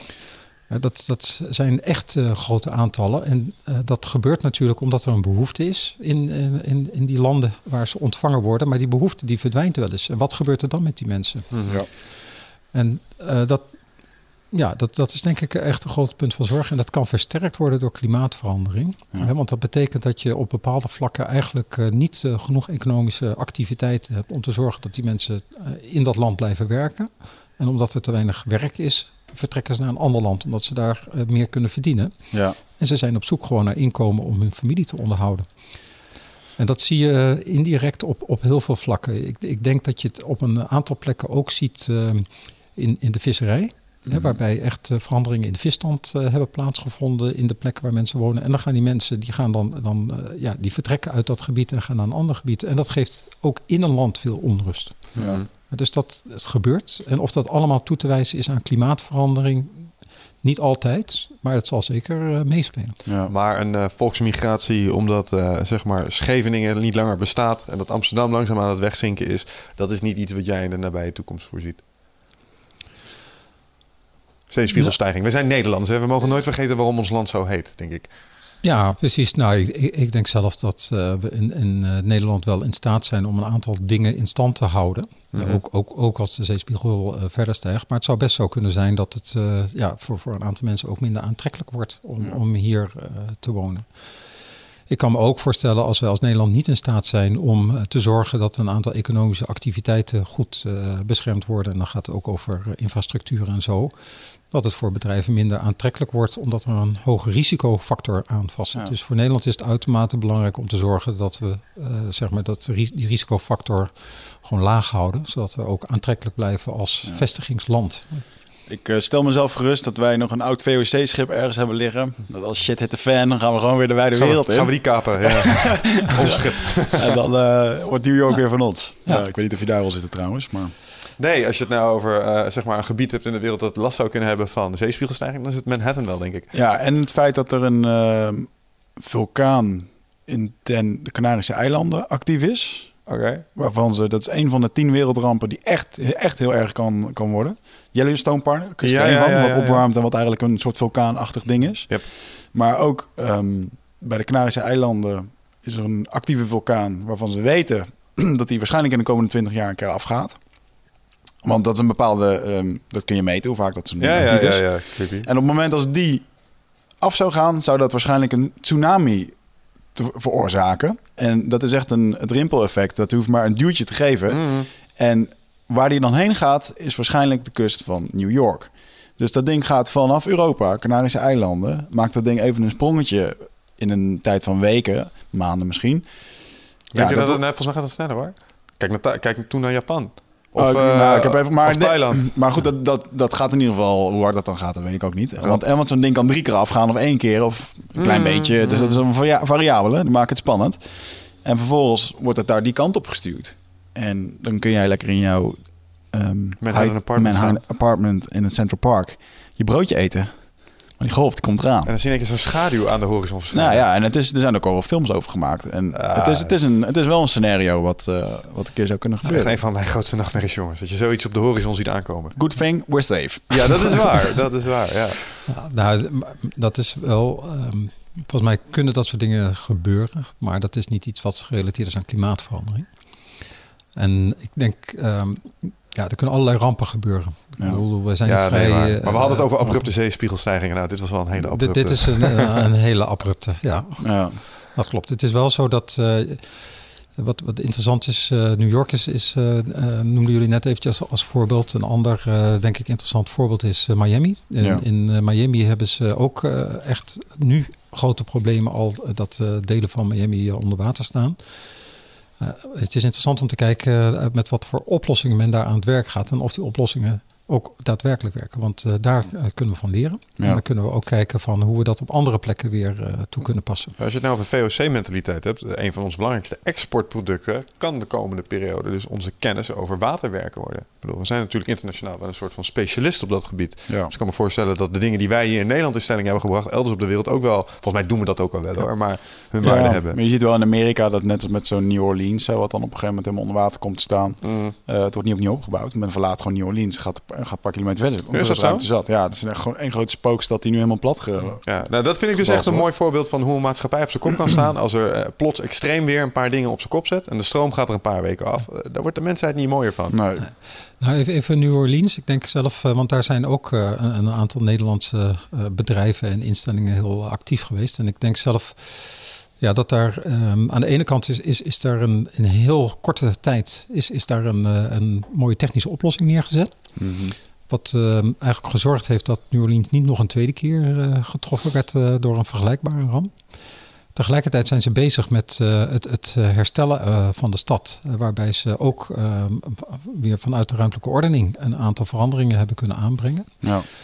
Ik denk dat er ook een beetje een gemiste kans is. Omdat ik denk dat ze nog wat meer dingen hadden kunnen doen. Maar dat heeft ook een beetje te maken met de, de institutionele setting in, in Amerika. Wat eh, mag je doen met eigenaarschap? Kan je grond onteigenen? En Ja. wat voor vrijheid heb je om dat weer echt anders in te richten? Ja, ja. Maar volgens mij, ik zou nog een keer daarheen gaan, naar New Orleans, als ik jullie was. Want eh, ik eh, ben er zelf niet geweest, maar wel veel beelden van gezien en eh, verhalen van gehoord van de mensen die wel heen gaan. Hartstikke leuke stad om eh, naartoe te gaan. Hmm. Zeker ook als je van muziek houdt. Hm, Oké. Dus, eh, Oh, ik dacht dat een deel echt een groot spookgedeelte is geworden. Nou, er is een, een, een, probleem is, er zijn inderdaad heel veel mensen weggegaan. En voor een, eh, die, die mensen zijn eigenlijk nog steeds eigenaar van een plot. Oké. En dus op een aantal plekken liggen plots dus nog eh, ja, braak of die worden Mm. niet gebruikt. En eh, ja, die mensen zijn inderdaad gewoon weggetrokken naar een andere plek. Dus, Ja. dus voor een deel eh, zit daar eigenlijk ruimte wat je anders in zou willen vullen. En dat is jammer dat je daar niet, zeg maar, als overheid dan eh, dat mag doen. Omdat Ja. daar gewoon nog eigenaarschap op zit. Ja. Maar wat, wat New Orleans natuurlijk wel was, was een eh, gevolg van eh, behoorlijk extreem weer daar. Nou, dan heb je natuurlijk wel vaker hurricane season in Amerika. En dat is op zich Ja. niks nieuws dat ze die hebben. Maar verbeeld ik het me, me nou als ik... eh, en misschien heb ik wel confirmation bias, omdat ik denk over klimaatverandering. En dan kijk ik naar, naar het nieuws en dan denk ik... het gaat wel steeds gekker met het weer. Als ik naar de afgelopen winter slash lente kijk... Ik bedoel, het, is onmiskenbaar als je er als rationeel mens naar kijkt. denk je, something ain't right. Klopt dat? Die, die verbanden die zijn er toch? Ja, het eh, past ook in het beeld eh, wat we denken dat, eh, dat gaat komen. En Waarom wordt dat zo grilliger door wat we aan het doen zijn? Nou, dat heeft, heeft een paar oorzaken. Eén daarvan, wat, wat je ziet, is dat er zeg maar voor een deel wat veranderingen in, in onze windpatronen komt. Nou, wat je hier zag het afgelopen ja, winter-lente, dat is daar ook zo'n voorbeeld van. Waarbij je een wat ander windpatroon krijgt, waardoor je ander weer krijgt, eh, andere eh, temperatuur. Nou, we verwachten dat er wat vaker gebeurt. Eh, wat we ook zien is dat je bijvoorbeeld dan in de zomer wat extremere neerslag gaat krijgen. Dat heeft voor een deel te maken dat er ehm, zeg maar wat meer activiteit komt, iets, iets hogere ehm, zeg maar, eh, regenwolken gevormd Mhm. kunnen worden. En eh, doordat je een, een, eh, een hogere regenwolk krijgt, krijg je zeg maar een, een hogere intensiteit in je neerslagbui. Hmm. Nou, dat soort dingen, die, die zien we ook. En dat, wij gebruiken vooral modellen om daarnaar te kijken. We zien dat in die modellen ook naar voren komen. En wat we ook daarin zien is dat de verschillen tussen zomer en winter wat, wat groter worden. Of, ehm, en dat geldt niet helemaal voor temperatuur, maar vooral neerslag. Ja. Dus je, je ziet wat eh, meer ehm, hoge intensieve buien komen. Je ziet niet direct dat er veel meer neerslag op jaarbasis valt, maar je ziet dat dat anders verdeeld is over zeg maar, de maanden van het jaar. Ja, en omdat het warmer wordt, wordt het meer regen. Want een van de dingen waar ik de laatste tijd aan gedacht heb... Vroeger, toen deze jongen nog naar eh, de MAVO en de HAVO moest... dan zat ik op een fietsje. Kon ik 11 kilometer naar eh Deventer fietsen vanuit Olst. En dat was regelmatig door een pak sneeuw. En dan vroor het ook gewoon. En eh, met min 10 op de fiets, dat was gewoon... Ja, sommige winters gewoon standaard werk. Ehm, die temperaturen en dat weer, dat, dat zie ik niet meer terug.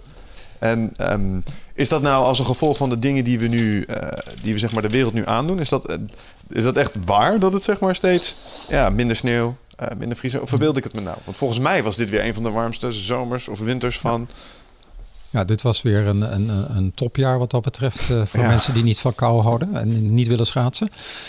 Ehm, wat op zich nog wel mooi was, dat er zo'n mooi verschil tussen Noord- en Zuid-Nederland hadden. Waarbij eh tot toch eh, redelijk grote verschillen waren op korte afstand. Ja.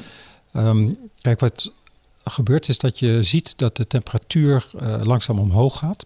En dat houdt uh, niet in uh, dat we per se niet meer kunnen schaatsen of zo, maar het houdt wel in uh, dat dat soort periodes minder vaak gaan voorkomen. Hmm. Omdat um, ja, met een hoge temperatuur sneeuw ja, wat minder vaak voor zal komen, wat korter zal blijven liggen. Maar het kan best zo zijn dat we nog eens een keer een winter krijgen waarbij we wel een Elfstedentocht hebben. Ja, er is deze winter wel volgens mij op natuurijs geschaatst, heb ik volgens ja. mij gezien. Er is een uh, marathon uh, verreden. Ja. We zagen ons oude Jens Ollekalter uh, Juist, gast. Dat, daar zag ik het ook. Die zag ik met twee centimeter ijs meteen erop duiken volgens mij. ja. Goed, voor de liefhebbers. Ja. Oké. Okay. Mm. Dus ja, maar uh, hoe we hierop kwamen. Dus ja, je ziet dus, uh, je ziet dus om je heen, zie je gewoon ook als, uh, als mens, zie je steeds nou ja, extremer weer. Hoewel we in Nederland dan. En dat vind ik dan ook nog wel eens het, het irritante. Eigenlijk, ik snap het wel, want laten we wel wezen, met min 10 op de fiets is gewoon vervelend. Het is koud en het is prettiger om in je zomerjas in de winter naar buiten te kunnen lopen. Gewoon puur qua mens. Maar ergens baart het me dan ook wel zorgen. Want ik zie je nou wel, weet je, dit kan niet gehandhaafd worden, want er gaan dingen mis. Het, het klopt niet. En sommige mensen die kijken dan alleen op de korte termijn. En die kijken dan van, ja, lekker, ik kan gewoon mijn t-shirtje naar buiten in de winter. En ik denk dan, ja, maar je zou je zorgen moeten maken. Ja. Nou ja, dat, dat denk ik ook. Maar dat heeft een beetje te maken met het feit dat eigenlijk uh, voor uh, ons in Nederland hier uh, klimaatverandering, als je even de zeespiegelstijging achterwege laat mm. en we zeggen dat we goed om kunnen gaan met die hoge intensiteit neerslagbuien, ja, dan is het helemaal niet zo heel erg. Okay. Tenminste, als je niet van, van uh, schaats houdt. Ja, dus die zorg kunnen we gewoon parkeren de, tussen nu en de komende... Zolang als wij hier in Nederland blijven leven... dus dan gaat er eens vanuit dat Wicht en ik allebei 150 worden... dan komt ja. het goed.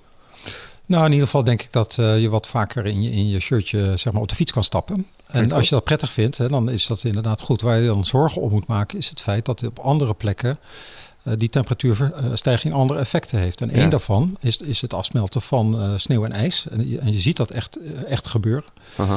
Uh, en dat zorgt natuurlijk voor zeespiegelstijging. En als je zeespiegelstijging krijgt, gecombineerd met bijvoorbeeld wat, wat stevige stormen, dan heb je wel een risico dat we hier in Nederland een keer toch een dijkdoorbraak krijgen of, of iets anders. Dus, maar dat is met name vervelend als je in Goes woont. Dat is vervelend als je daar woont. En zolang wij uh, zeg maar bezig zijn om te zorgen dat die dijken wel in orde zijn. En uh, we zijn ook bezig nu uh, te kijken naar een ander soort dijken. Waarbij de dijk wel water over zich heen kan krijgen. Maar dat niet de hele dijk wegspoelt. Zodat Oh, we zeg maar die, die ramp die we in Zeeland hadden niet nog een keer gebeurt.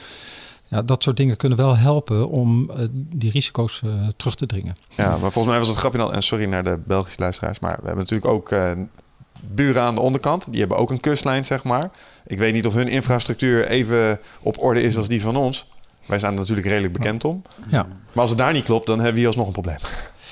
Uh, dat klopt. En een andere, dat is uh, zeg maar wat via de rivieren komt. Ja. Dus uh, daar is het zo dat wij afhankelijk zijn ook van wat er in Duitsland gebeurt langs de rivier. En als er op een gegeven moment daar de, de, hoeveelheid water die echt naar beneden komt veel groter is dan wat we op het moment krijgen, dan Mm. heb je kans dat de rivier buiten zijn oevers treedt in Duitsland en vervolgens zeg maar via een omweggetje toch Nederland weer inkomt. en dat omweggetje, dat wil je eigenlijk niet hebben. Nou, volgens mij is de IJssel ook zo'n rivier die daar last van heeft. Hier in Deventer heb je sommige winters... Gaat de IJssel buiten zijn oevers en staat het zelfs tot een stukje in de binnenstad.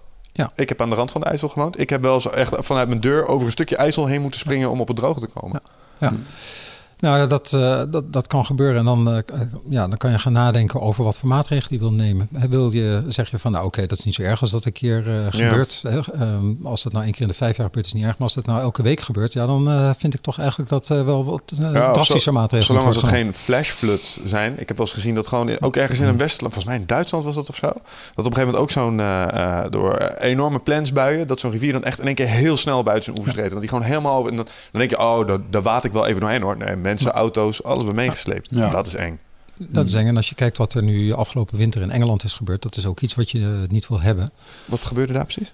Uh, nou, daar hebben ze echt gigantisch veel last van overstromingen gehad. Oké. Okay. Ook rivieren door neerslag? Oh, rivieren door neerslag. En, continue neerslag. Hè. Dus uh, dat het echt weken achter elkaar bleef regenen. Mm -hmm. nou, daar, daar, ja, daar wil je eigenlijk iets aan doen. Dat klinkt wel een beetje als Engeland trouwens, constant regen. Maar echt, echt voor hun maatstaven zelfs voor exorbitant hun, veel. Exorbitant dan is het fijn dat je een eiland bent. Ja.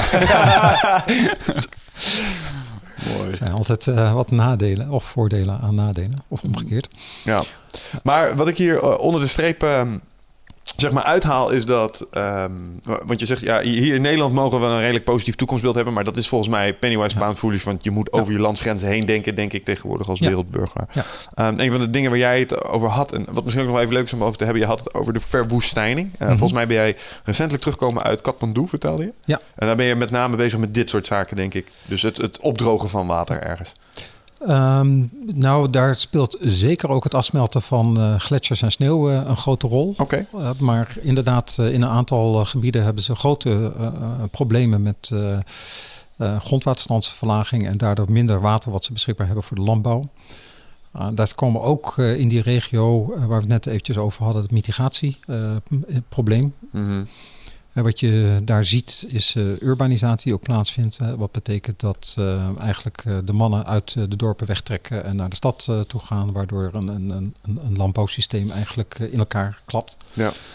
Dus daar spelen allemaal van dat soort aspecten mee. En de reden waarom ik daar nu was, dat is dat ze bezig zijn om te kijken of ze voor de, wat ze de Hindukush-Himalaya-regio noemen. En er Mm. zijn acht landen die daar zeg maar een deel van in hebben zitten. Dus onder in India, China, Nepal, Afghanistan, Pakistan, Bangladesh, Bhutan. Die hebben allemaal een belang in dat gebied. En dat is ten eerste een, een, belang in het gebied zelf, maar ten tweede ook omdat een heel groot deel van uh, de watervoorziening in de rivieren die naar beneden stromen, Mm-hmm. daar ook een, een, rol in spelen. Dus er is een dubbel belang in. En wat ze nu graag willen is dat er meer aandacht komt voor dat specifieke gebied en over wat er in bergen gebeurt omdat er nu toch vaak uh, veel aandacht is over uh, voor de plekken waar uh, zeg maar de meeste mensen wonen of Mm. de grootste economische activiteiten bezig zijn. Maar zij vinden dat er specifieke aandacht nodig is voor het gebied om dat te veranderen. Grappig dat je dat zegt. Dat, want natuurlijk heeft het op de bergen ook impact. Wij als Nederlanders staan natuurlijk, Nederlanders, niet zo heel erg bij stil. Ik bedoel niet dat je Limburg als berggebied mag tellen. maar we hadden hier laatst een meneer, Wilco van Rooyen. En hij is bergbeklimmer, hij is de K2 volgens mij een paar keer opgegaan Mhm. naar Mount Everest. En hij vertelde ook dat hij nu uh, paden beklimt, waar hij zijn hele leven al komt in die berggebieden. Maar die zijn echt drastisch aan het veranderen. Dus geëikte routes zijn ook aan het veranderen in de bergen. Mede door een verandering van het, van het landschap al daar. Ja. Um, meest voor de hand liggende dingen die ik dan denk, ja, het zal er wel meer smelten of zo. Of, en dan weer anders bevriezen. Hij had het er met name over dat dat nu heel verraderlijk was. Dingen uh, smelten, maar bevriezen even snel weer, waardoor je echt hele verraderlijke situaties krijgt. Ja, nou, het is een uh, heel, heel groot gebied. Hè, dus uh, je ziet ook wel verschillende dingen uh, van, van oost naar west veranderen en van noord naar zuid. Mm. Um, en, en het is ook een heel actief gebied. Hè? Dus het is een vrij jong gebergte. En dat is ook een van de redenen dat daar nog, nog redelijk veel aardbevingen plaatsvinden. Zoals nou, vorig jaar net weer ook weer Definieer gebeurd is. jong, relatief jong is. Ik ben geen geoloog, maar dan heb je het over miljoenen jaren. Mm. Maar als je het vergelijkt bijvoorbeeld met de Pyreneeën, met de Alpen, dan uh, zijn de Pyreneeën nog, nog een, een jonger gebied. Okay.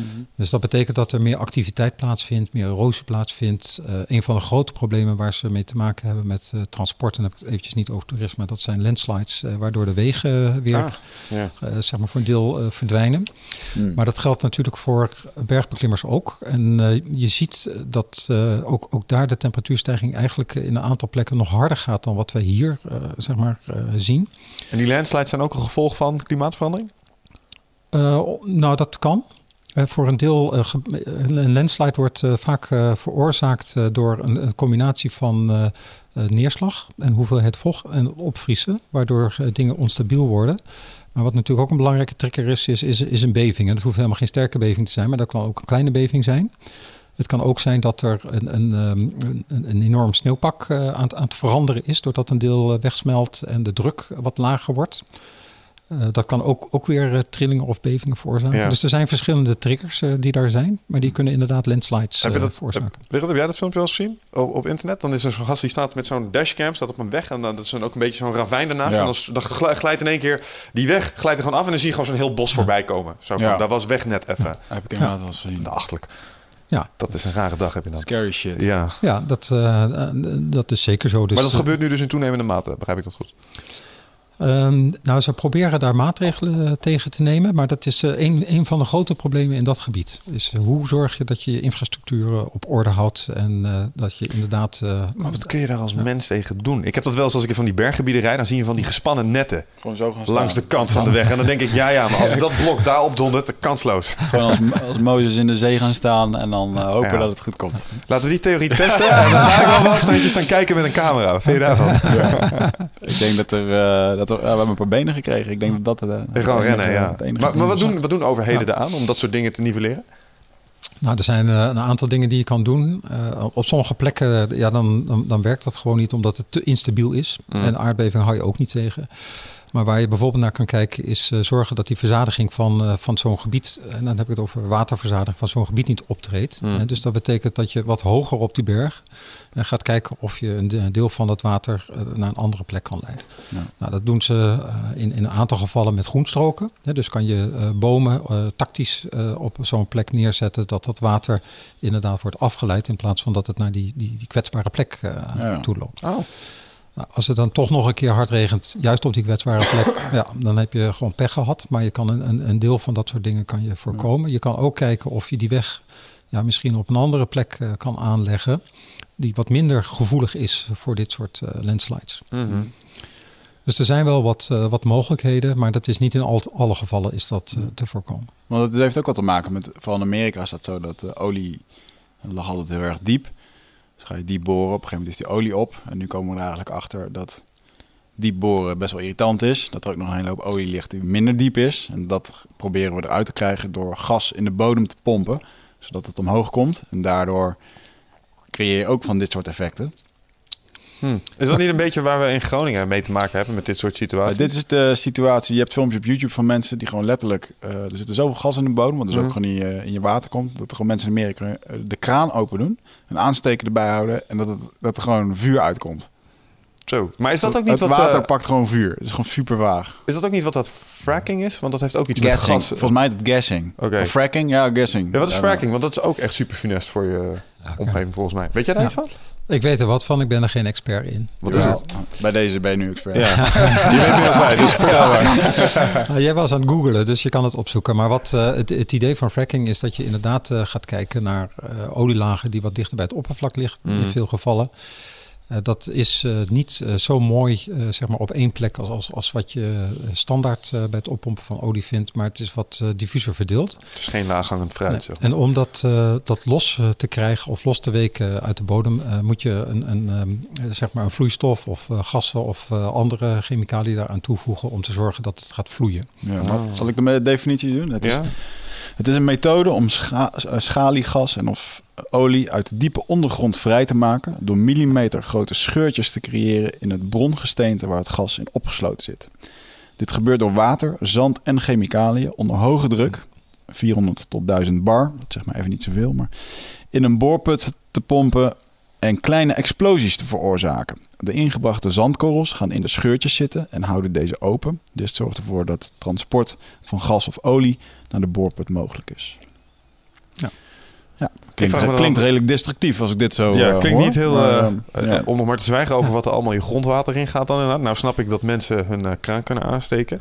Ik denk altijd bij dit soort dingen is de netto energie die het oplevert nou niet lager als wat je moet doen om dit los te krijgen uit de bodem.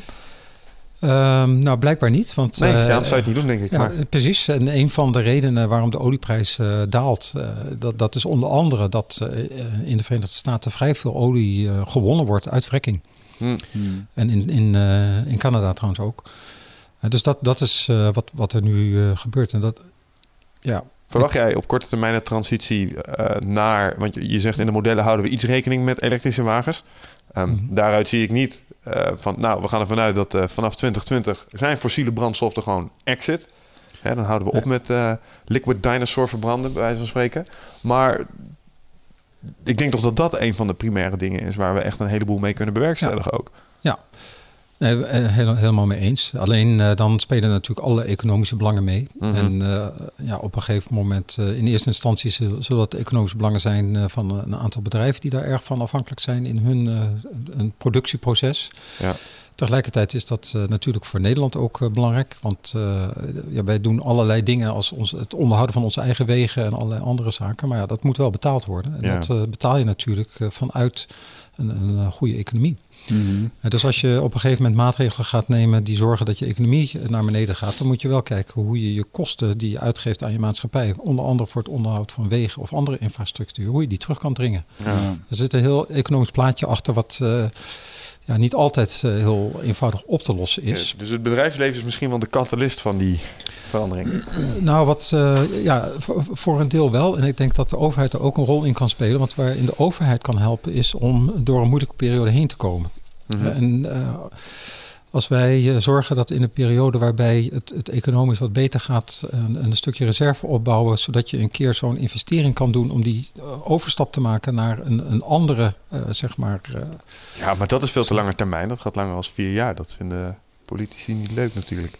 Nou, dus ik, ik, denk dat sommige van die uh, omschakelmomenten ook uh, in een periode van vijf jaar te realiseren zijn. Mm. En uh, ik denk dat uh, politici dat in een aantal gevallen niet leuk zullen vinden. Maar ik ben dan altijd nog hoopvol gestemd dat er ook een aantal politici rondlopen met een langere termijnvisie. Die ja. wel bereid zijn om daarin te investeren en te proberen om ook iets te doen wat op de langere termijn uh, helpt. Dat snap ik, maar je weet het, hè? hoop is de eerste stap naar teleurstelling. Dus, uh... nou, hoop is een uitgestelde teleurstelling. ja. een maar als je geen hoop hebt, dan heb je ook nooit ja, een nee, dat is allemaal helemaal waar. Dat, dat, dat geloof ik ook wel. Ja. Um, maar ja, volgens mij kom je dan ook wel redelijk snel uit als het bedrijfsleven een factor is. Dan, dan zit het natuurlijk ook weer aan de vraagkant. En als je aan de vraagkant komt, dan kom je eigenlijk weer aan een stukje marketing. Dus ja. daar kunnen we dan toch wel iets in doen. Ja. Nou, dat denk ik ook. En ik denk uh, wat, wat, wat, wat ik wel opvallend vind, is uh, dat er soms dingen gebeuren waarbij de echte vraag uh, vanuit zeg maar ons als, als mens komt. Mm -hmm. en, of, of als individu. En als er heel veel individuen op een gegeven moment zo'n vraag stellen, ja, dan springt daar ook het bedrijfsleven op in. Ja. En vervolgens ook de overheid. Um, een tijdje geleden was ik in, in Californië bij een bijeenkomst. En er was ook iemand uh, namens de staat van Californië. En die zei van ja, in, in Amerika uh, volgt in heel veel gevallen de politiek eigenlijk uh, wat er gebeurt in de maatschappij. En de maatschappij, dat zijn dan de individuen en de bedrijven. Ja. Ja, het zou mooi zijn als je als zeg maar overheid daar een, een wat zeg maar, meer positieve rol in zou kunnen spelen. Het is goed om dat soort uh, veranderingen te stimuleren, maar het is nog veel mooier als je dat uh, vooraf doet. Ja. En dat je in gesprek bent uh, met de maatschappij en met het bedrijfsleven over hoe je dat gezamenlijk op kan pakken. Nou, hmm. ik, ik, hoop dat in Nederland dat gebeurt en ik zie dat ook wel gebeuren. Ja. Er zijn genoeg mooie projecten. Ik las laatst ergens of ik zag een filmpje over, um, wat was het, Yellowstone Park, hmm. waar ze wolven hebben afgeschoten omdat gevaarlijk voor bezoekers. In 95. Ja. Ja, dat zijn ze zeker. Volgens mij. Ja, boel mensen, oh, zielig. Nee, ja, dat je vijf van die gasten. Ja, ja, was nee. jij niet dat die dat een keer heeft meegemaakt? In Australië toen. Dat jij uh, een wilde jij... hond of zo was tegengekomen of zo. Dat ding begon je te volgen. Mm -hmm. Ja, wij zijn toen... Uh, dat was een Fraser Island. Ik heb een jaar in Australië gewoond. En uh, tijdens ook een beetje rondgereisd. En toen gingen we dat doen. Op een gegeven moment waren we op een zandbank gereden. Want je rijdt eindeloos over het strand. En super mooi eiland. En dat is een heel bijzonder eiland. Want dat eiland ligt zo dat de wind er continu opwaait. Dus je hebt daar duinen. Je hebt er uh, een stukje woestijn, een stukje jungle. Uh, je hebt bijna alle klimaten daar op, uh, op, mm. op, een paar honderd kilometer. En toen hadden we inderdaad onze auto kapot gereden. Maar je hebt dus eb en vloed. En dan krijg je dus zo'n Land Rover auto. Maar die mag dus niet in contact komen met zeewater. Want dan roest die gewoon weg bij wijze van spreken. Heel de onderkant. en die stond vast op het. En je begrijpt het, ik was toen jong en daar betaal je boren voor. En uh, we hadden alleen maar geld voor bier en niet voor een auto. dus um, op een gegeven moment moesten wij. Uh, je, bent dus, je bent dus letterlijk in the middle of nowhere. Telefoon doet het niet. En that's it. Hmm. En iedereen had wel een mobiele telefoon, maar die doet het gewoon niet. Dus dan moet je naar het hoogste punt toe uh, lopen. Dus um, we zitten met z'n zes of acht volgens mij in die auto. Dat was een grote. En ja, op een gegeven moment moet je zelf maar opofferen. En um, uiteraard deed ik dat heldhaftig als het. Zijn we naar het hoogste punt toe gelopen. En toen liepen er in één keer van die wilde honden rond, van die dingo's. Die uh, ons achtervolgden. En toen dacht ik, oh, nou, een hond. En op een dacht ik echt, het zijn gewoon die dingo's. Wat doen die? Ja, die gaan gewoon in een groep. Hmm. Drijven ze beesten, uh, maar ook mensen. En dat is ook vaak daar gebeurd. Die isoleren ze gewoon, dat, zodat ze verhongeren. En zodra je verzwakt, ja, dan gaan ze gewoon aan je happen. Dus wij, maar we moesten naar het hoogste punt. Dus we zijn daar met drie man sterk naar het ding al schreeuwend met stokken slaand en gooien. Stelletje apen. naar de duinen gelopen. En vervolgens kwamen we erachter dat we zelfs daar nog steeds geen bereik hadden. Dus toen zijn we weer teruggelopen. En toen heb ik eh 10 kilometer hard gelopen over het strand. Samen met een andere jongen. En toen heb ik echt... Achtervolgde honden. Ja, echt. In de middel... Want dan moet je, je hebt overal van die kampeerpunten. En dan moet je maar hopen dat je iemand treft. En niet achtervolgen die honden. Want als je, op het moment dat je naar het water loopt... dan hebben ze daar minder trek in. Want dat is interessant voor ze. Want Open het terrein ook natuurlijk. en in het water mocht je niet zwemmen, want er zaten bull sharks. En die hadden net een paringstijd op dat moment. Dus daar kon je ook weer niet in. En dus het is allemaal heel erg complex in Australië. Welkom in Australië, ja. En toen zijn we een paar kilometer gaan hardlopen. En toen eh, vond ik echt in de middle of nowhere. Het, het had zo uit de serie Lost kunnen zijn. ja. Eh, stond er gewoon een telefooncel. En die telefooncel dat was echt zo'n vierkante bak. Op het strand. Die, nee, ergens in de jungle bij zo'n kampeerpunt. Maar die, eh, de, de, de wildgroei was zodanig wild daar dat hij gewoon door de ramen heen was gegaan. En het was echt zo'n. Die was gewoon helemaal bebost, dat ding. Dus ik denk, ja, ja, het is te mooi, weet je. Dus ik pak die oren. Echt zo. Ja, die ging er over ook. Dus toen heb ik het lokale politiestation gebeld. En die namen toevallig op en verbonden me door met het ding. Dus uiteindelijk zijn we allemaal gered. Eh, maar zelfs die verhuurder zei, hij zegt, het is echt wel heel veel verbazend dat ze je überhaupt hebben doorverbonden. Want normaal doen ze het niet. Ja, er zitten natuurlijk alleen maar eh, vervelende mensen op dat uh, Dronken toeristen, ja. toeristen. En, eh, maar je bent dan wel eh, ja, on your own. Dus dat was mijn eh, ervaring met, eh, met wilde honden. Ja, zo van wolven gevaarlijk. Ja, maar eh, wolven zijn sowieso gevaarlijk. Want volgens mij in de voorsteden van Parijs zijn 150 jaar geleden. Dat is niet zo lang geleden volgens mij. Echt in de voorsteden van Parijs waren daar nog heel veel eh, wolven. En die zijn verantwoordelijk geweest voor ongeveer 30 eh mensenlevens. Hier in Nederland ook. Hier in Nederland waren wolven ook gevaarlijk voor je. Ja. Hoe lang was dat geleden dan in Nederland? Ja, ik, weet, ik heb wel eens wat eh, eh, voor Nederlands nog wat boeken moeten lezen destijds. En daar werden eh, ook vanuit de middeleeuwen in Nederland. En daar werd ook omschreven dat je inderdaad zo af en toe last had van wolven in de bosrijke gebieden Ja. hier in Nederland. Dus ik maar weet niet hoe lang maar buiten de randen van Parijs, waar het dan arm was, veel landbouw, daar werden gewoon mensen verscheurd door, door, door wolven. Ja, hebben we ook niet zo'n wolf in Nederland gehad laatst, die rondliep? Die komt hij, is weer, hij komt er terug. Hij komt er terug. Maar Ja, goed, nee, maar daar, daar kwam ik even met het hele verhaal over. Ja, met ik zit hier van ja. Australië naar Parijs tot... eh, nu gaan we weer terug naar eh, Yellowstone Park. Waar dus die wolven afgeschoten zijn. En waar eh, elk... eh, het zijn eh, herten, volgens mij. En elk, ja. Ja. Die, ehm, die werden in één keer niet meer zo opgegeten. Door grizzlyberen of andere mountain lions en andere dingen. En die vraten al het groen op, al het gras. Waardoor bevers in de winter niks te eten hadden. En die bevers, die gingen op een gegeven moment... Ja, die zeiden, dag, hier gaan we niet blijven. Ja. Wat ervoor zorgt dat die bevers geen dammen meer bouwen. Waardoor er van allerlei misgaat in zo'n ecosysteem. Hebben ze die wolven weer opnieuw geherintroduceerd. En er zijn nu negen beverfamilies terug. Want die wolven die eten nu weer elk en er is weer genoeg eten. Oh, en dat ja. is weer in stand gebracht. En die beesten zijn allemaal weer gaan klagen en dammen gaan bouwen. Waardoor heel de rivierstroom en heel het ecosysteem helemaal opnieuw aan het veranderen is. En alles weer...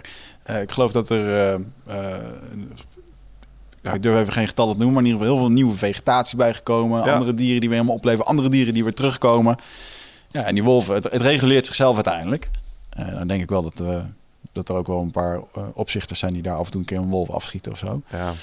Zodra ze mensen Maar ik vond het wel heel bijzonder dat. ehm, dan heb je het over negen beverfamilies. Negen beverfamilies. Die zijn, eh, weet je wel, negen huizen. Wat is het? Negen mensen. Ja, Negen maar- beverfamilies zijn misschien veertig bevers die daar gewoon heel het landschap domineren door te knaren aan een boom en een, en een, band, en een dam te bouwen. Het sluit wel heel erg aan bij de discussie die we hebben natuurlijk. Want wat, wat doen ze? Ze hebben het over water. En eh, daarmee kun je echt, nou ja, als je een waterstroom afsluit, dan Ja. ja. bewerkstellig je wel verandering volgens mij.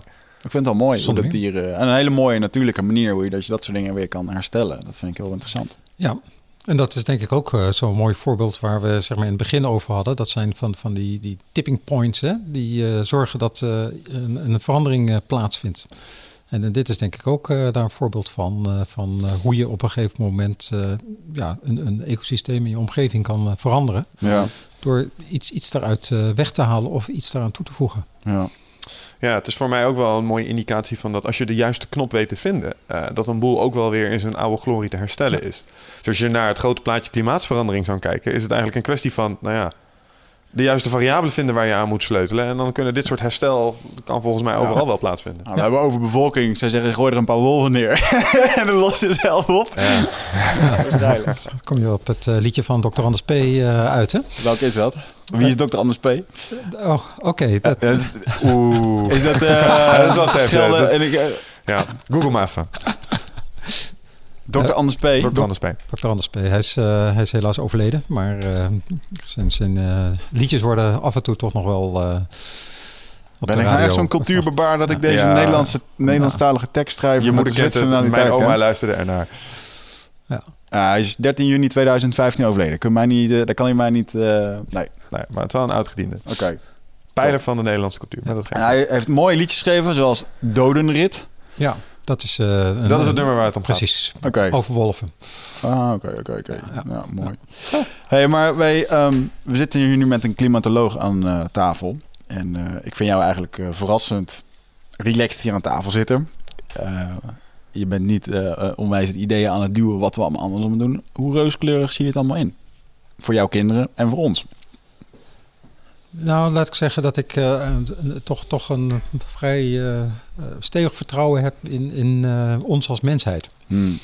En dat wij toch de juiste keuzes gaan maken. Duurt wel eens even, maar het- uiteindelijk komt dat er wel. Hoe, hoe dat er precies gaat komen, weet ik niet hoor. Want ik, ik zie nou, toch ook wel een heel aantal mooie voorbeelden. En één, één voorbeeld daarvan, dat is bijvoorbeeld, ik, ik woon zelf aan de Rijn.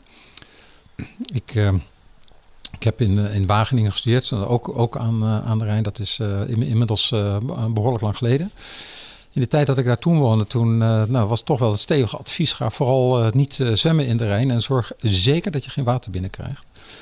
Als je nu eh, naar de Rijn gaat kijken, dan zie je gewoon dat eh, de waterkwaliteit daar echt zo gigantisch van verbeterd is. Hmm. En dat is niet iets eh, wat gebeurd is door de mensen die bij mij in de buurt aan de Rijn wonen. Nee, dat is iets wat gedaan is echt met mensen over het hele stroomgebied van de Rijn heen. Dus ik zie die, die samenwerking over landsgrenzen heen, dat kan gewoon.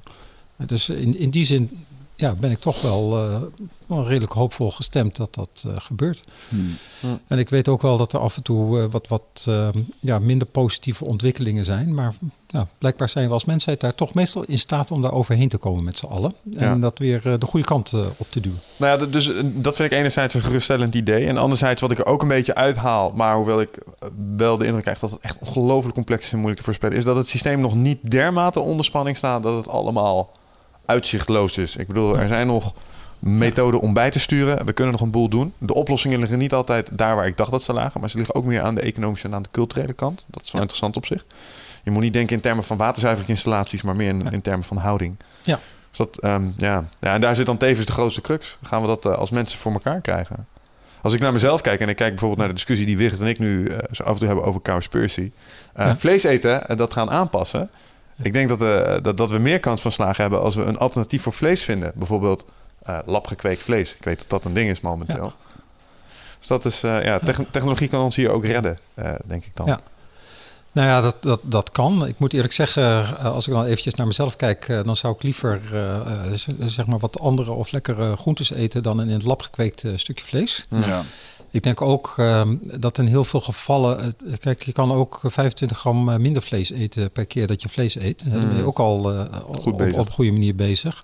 En je kan eh, kijken of je misschien eh, af en toe een keuze kan maken door ander soort vlees te eten. Ben je ook al, eh, denk ik, weer op een goede manier bezig. Nou, zo zijn er een aantal stappen die je kan zetten. En Mm. ik denk die 100% switch hè, van eh, eh, een echte vleeseter naar een, eh, een veganist. Ja, dat mag je niet verwachten. niet gebeuren. iedereen. Dat, dat ze dan een paar uitzonderingen zijn omdat die de geest krijgen, maar verder niet. Maar Ik denk dat je het ook fysiologisch niet mag verwachten. En dat, dat je kunt dat helemaal... de- ja, Dat slim is ja, voor als evolutionair hebben we daar Ja. gewoon jaren of generaties voor nodig om dat af te, te, te doen. hè. Want vaak komt zoiets uit een tekort.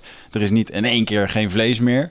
Vroeger in een bosje op de hei of weet ik veel waar. Dan trok je gewoon weer ergens anders. En dan waren daar weer noten en vruchten en andere dingen die, eh, waardoor men kon Als het ontwikkelen. echt schaars wordt, kan ik gewoon jou opeten. Zou je dat doen?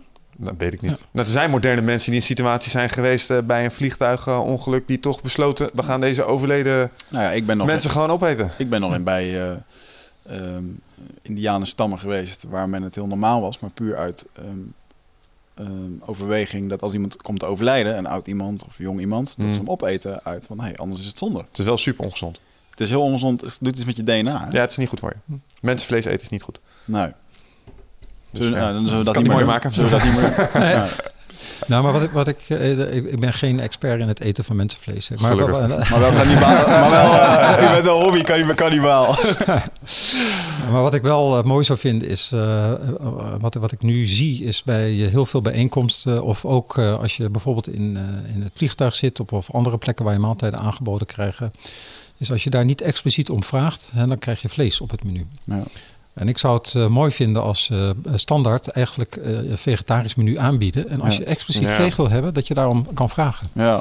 En Dus ik zou zeggen van, je moet het niet verbieden of weghalen, maar je moet die keuze even omdraaien. Ja. En daarmee maak je het voor mensen makkelijker om de juiste keuze te doen. En, en dat is wat ik belangrijk vind, is zorg dat je voor mensen het makkelijker maakt en aantrekkelijker maakt om de Mm. juiste keuzes te Ja, doen. dat is wel slim. Dat is wel slimmer. Ik heb ooit een keertje bij een vriend van mij toen we samen naar Amerika gingen. Toen had ik zijn ticket betaald. En het duurde veel te lang voordat hij het terug had betaald. Toen mocht ik de, de stoelnummers gaan boeken. Toen heb ik hem, om hem even terug te pakken, heb ik hem eh, op een kosher maaltijd gezet. Van Amsterdam naar Amerika. Dus ik kreeg, eh, ging toen naar Amerika toe, naar Los Angeles. En de Amerikaanse vlucht krijg je altijd lekker Ben Jerry ijs en pizzapunten. En Ja, dat ja, ja, ja, ik kan je vertellen, dus dat race je met een zuur gezicht in het vliegtuig. mooi. En het, is ook niet, het, kon- het kon ook niet veranderd worden. Dus dat was helemaal fantastisch. Ja, mooi. Heb jij nog dingen, Mick? Nee, volgens mij... Nou ja, anders dan dat ik, eh, dat ik hier gerustgestelder uit ben Ja. gekomen als dat ik erin ging. Ik ben ook wel een soort van positief, Ah, eigenlijk. Ik heb alleen wel een beetje een ding... ehm, wij hebben ons voedingssupplementenbedrijf. Wij zijn echt super trots op onze grasgevoerde eiwitten. Ja. Van koetjes die lekker in de wei staan. En ehm, ja, daardoor uh, de ei worden, eiwitten worden gemaakt uit die melk. Dus dan is dat een stuk beter dan het van die afvalproductie van kaas is of zo. Of andere dingen. Waar vaak eiwitten uitkomen. ja, maar het voordeel is wel dat als je eh whey-proteïne maakt van een koe op die manier, dat je de koe niet consumeert. Ja, dat is wel weer goed. Daar heb je er minder van nodig. En waar Ja. komen de koeien vandaan? Eh, de, de, de grondstoffen komen van boerderijen uit eh, West-Europa met een focus op de Elzas en eh, Zuid-Duitsland, zo uit mijn Ja. hoofd. Ja, waar je ook eh, naar zou kunnen kijken is, dus, eh, er zijn ook een aantal natuurgebieden in Nederland Hmm. waar koeien rondlopen en dat vlees dat wordt ook verkocht. Hmm. Heb je lokaal volgens mij heel goed vlees wat bij, Oh. jullie, bij, bij Ja, jullie dat is, doelstelling zeker, ook dat is past. zeker, zeker wel goed. Maar het is niet slecht om eens een keertje na te gaan denken over een vegetarisch... Nou, daar hebben we, trouwens, we hebben trouwens al het recept daarvoor klaar liggen. We moeten alleen nog een keertje... Ja, dat is toch wat hennepproteïne is? Onze hennepproteïne, Ja. inderdaad. En, eh, want hennep is trouwens ook een hele goede manier om eh, te verbouwen. Want het reinigt de grond. Het is ontzettend eh, makkelijk te verbouwen. Het groeit bijna overal. En het is dan ook nog eens een keertje reinigend voor de grond. Omdat het als het ware helemaal... het, ja, het, Dat wordt het nieuwe supergewas. Let maar op, Amerika is aan het legaliseren nu. Die zijn Ja. alles, alles is oké daar Ja. nu. En ze zien ineens ongelofelijke revenue eh, komen zeg maar, vanuit de, de, de ja, recreatieve hennepteelt, zullen we dat maar zeggen. mm. En Canada die is er nu ook naar aan het kijken. En ze maar merken nu zelfs in Mexico al dat het dingen doet met eh, de kartels daar. Dus dat gaat het gewas van, eh ja, maar dan heb, je, dan heb je het even over de, eh, dat het nu geregaliseerd wordt. Dat je het mag roken met alle medicinale Ja, maar voordelen. daardoor komt het ook weer in de aandacht. En gaan mensen al die andere toepassingen die hennep heeft, zoals bijvoorbeeld voedingsmiddel, maar Ja. kleding. Maar je kunt er zelfs, heb ik begrepen, een soort eh, kunststof van maken waar je huizen auto's van kan bouwen. Huizen, olie, je kan er, eh, ehm, als je een, een oerwoud kapt, dan heeft het jaren voordat weer iets nieuws is. En hem staat gewoon binnen een paar maanden staat Ja. weer. En je Ja. kan er nog meer papier van maken. Wat nog steeds is. Het eerste dollarbiljet van Amerika is gemaakt van henneppapier. Echt waar? Ja, Nou, zo zien we weer. zo zien we weer. Dus, Dus er is hoop. anyway. Ja. dat was het. Ehm, dus in ieder geval, eh, mochten jullie toch kiezen voor eiwitten, ga dan voor grasgevoerde eiwitten van Ja. Nutrofit. En die kan je vinden bij ons in de shop www.nutrofit.nl. Eh, gebruik de kortingscode eindbazen. En we hebben ook nog van allerlei andere dingen. Die, eh, we hebben een nieuwe Elfbrain, hè? Ja. Elfbrain Instant. Dat is een eh, drinkbare vorm van de welbekende Elfbrain. Dat als je die drinkt, is no- nootropica waardoor je beter gaat ehm, eh, concentreren, betere motivatie krijgt. Allemaal natuurlijke producten.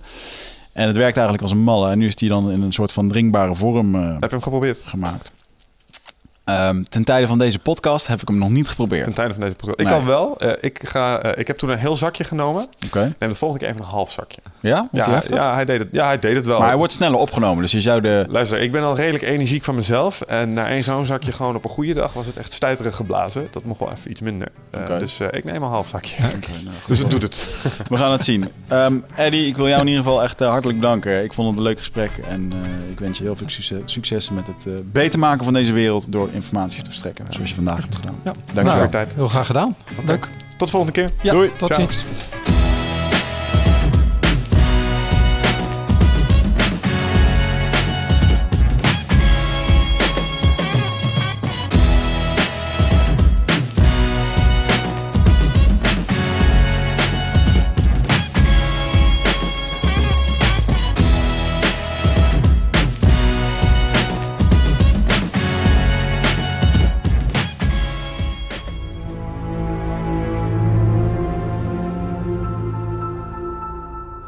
Eigenlijk heeft een editor best wel veel macht. Want hij kan, eh, als hij echt zijn best doet met beelden, kan hij het echt eruit laten zien alsof je een compleet idioot bent. Ja, nou, dat is bij mij niet zo heel veel voor nodig.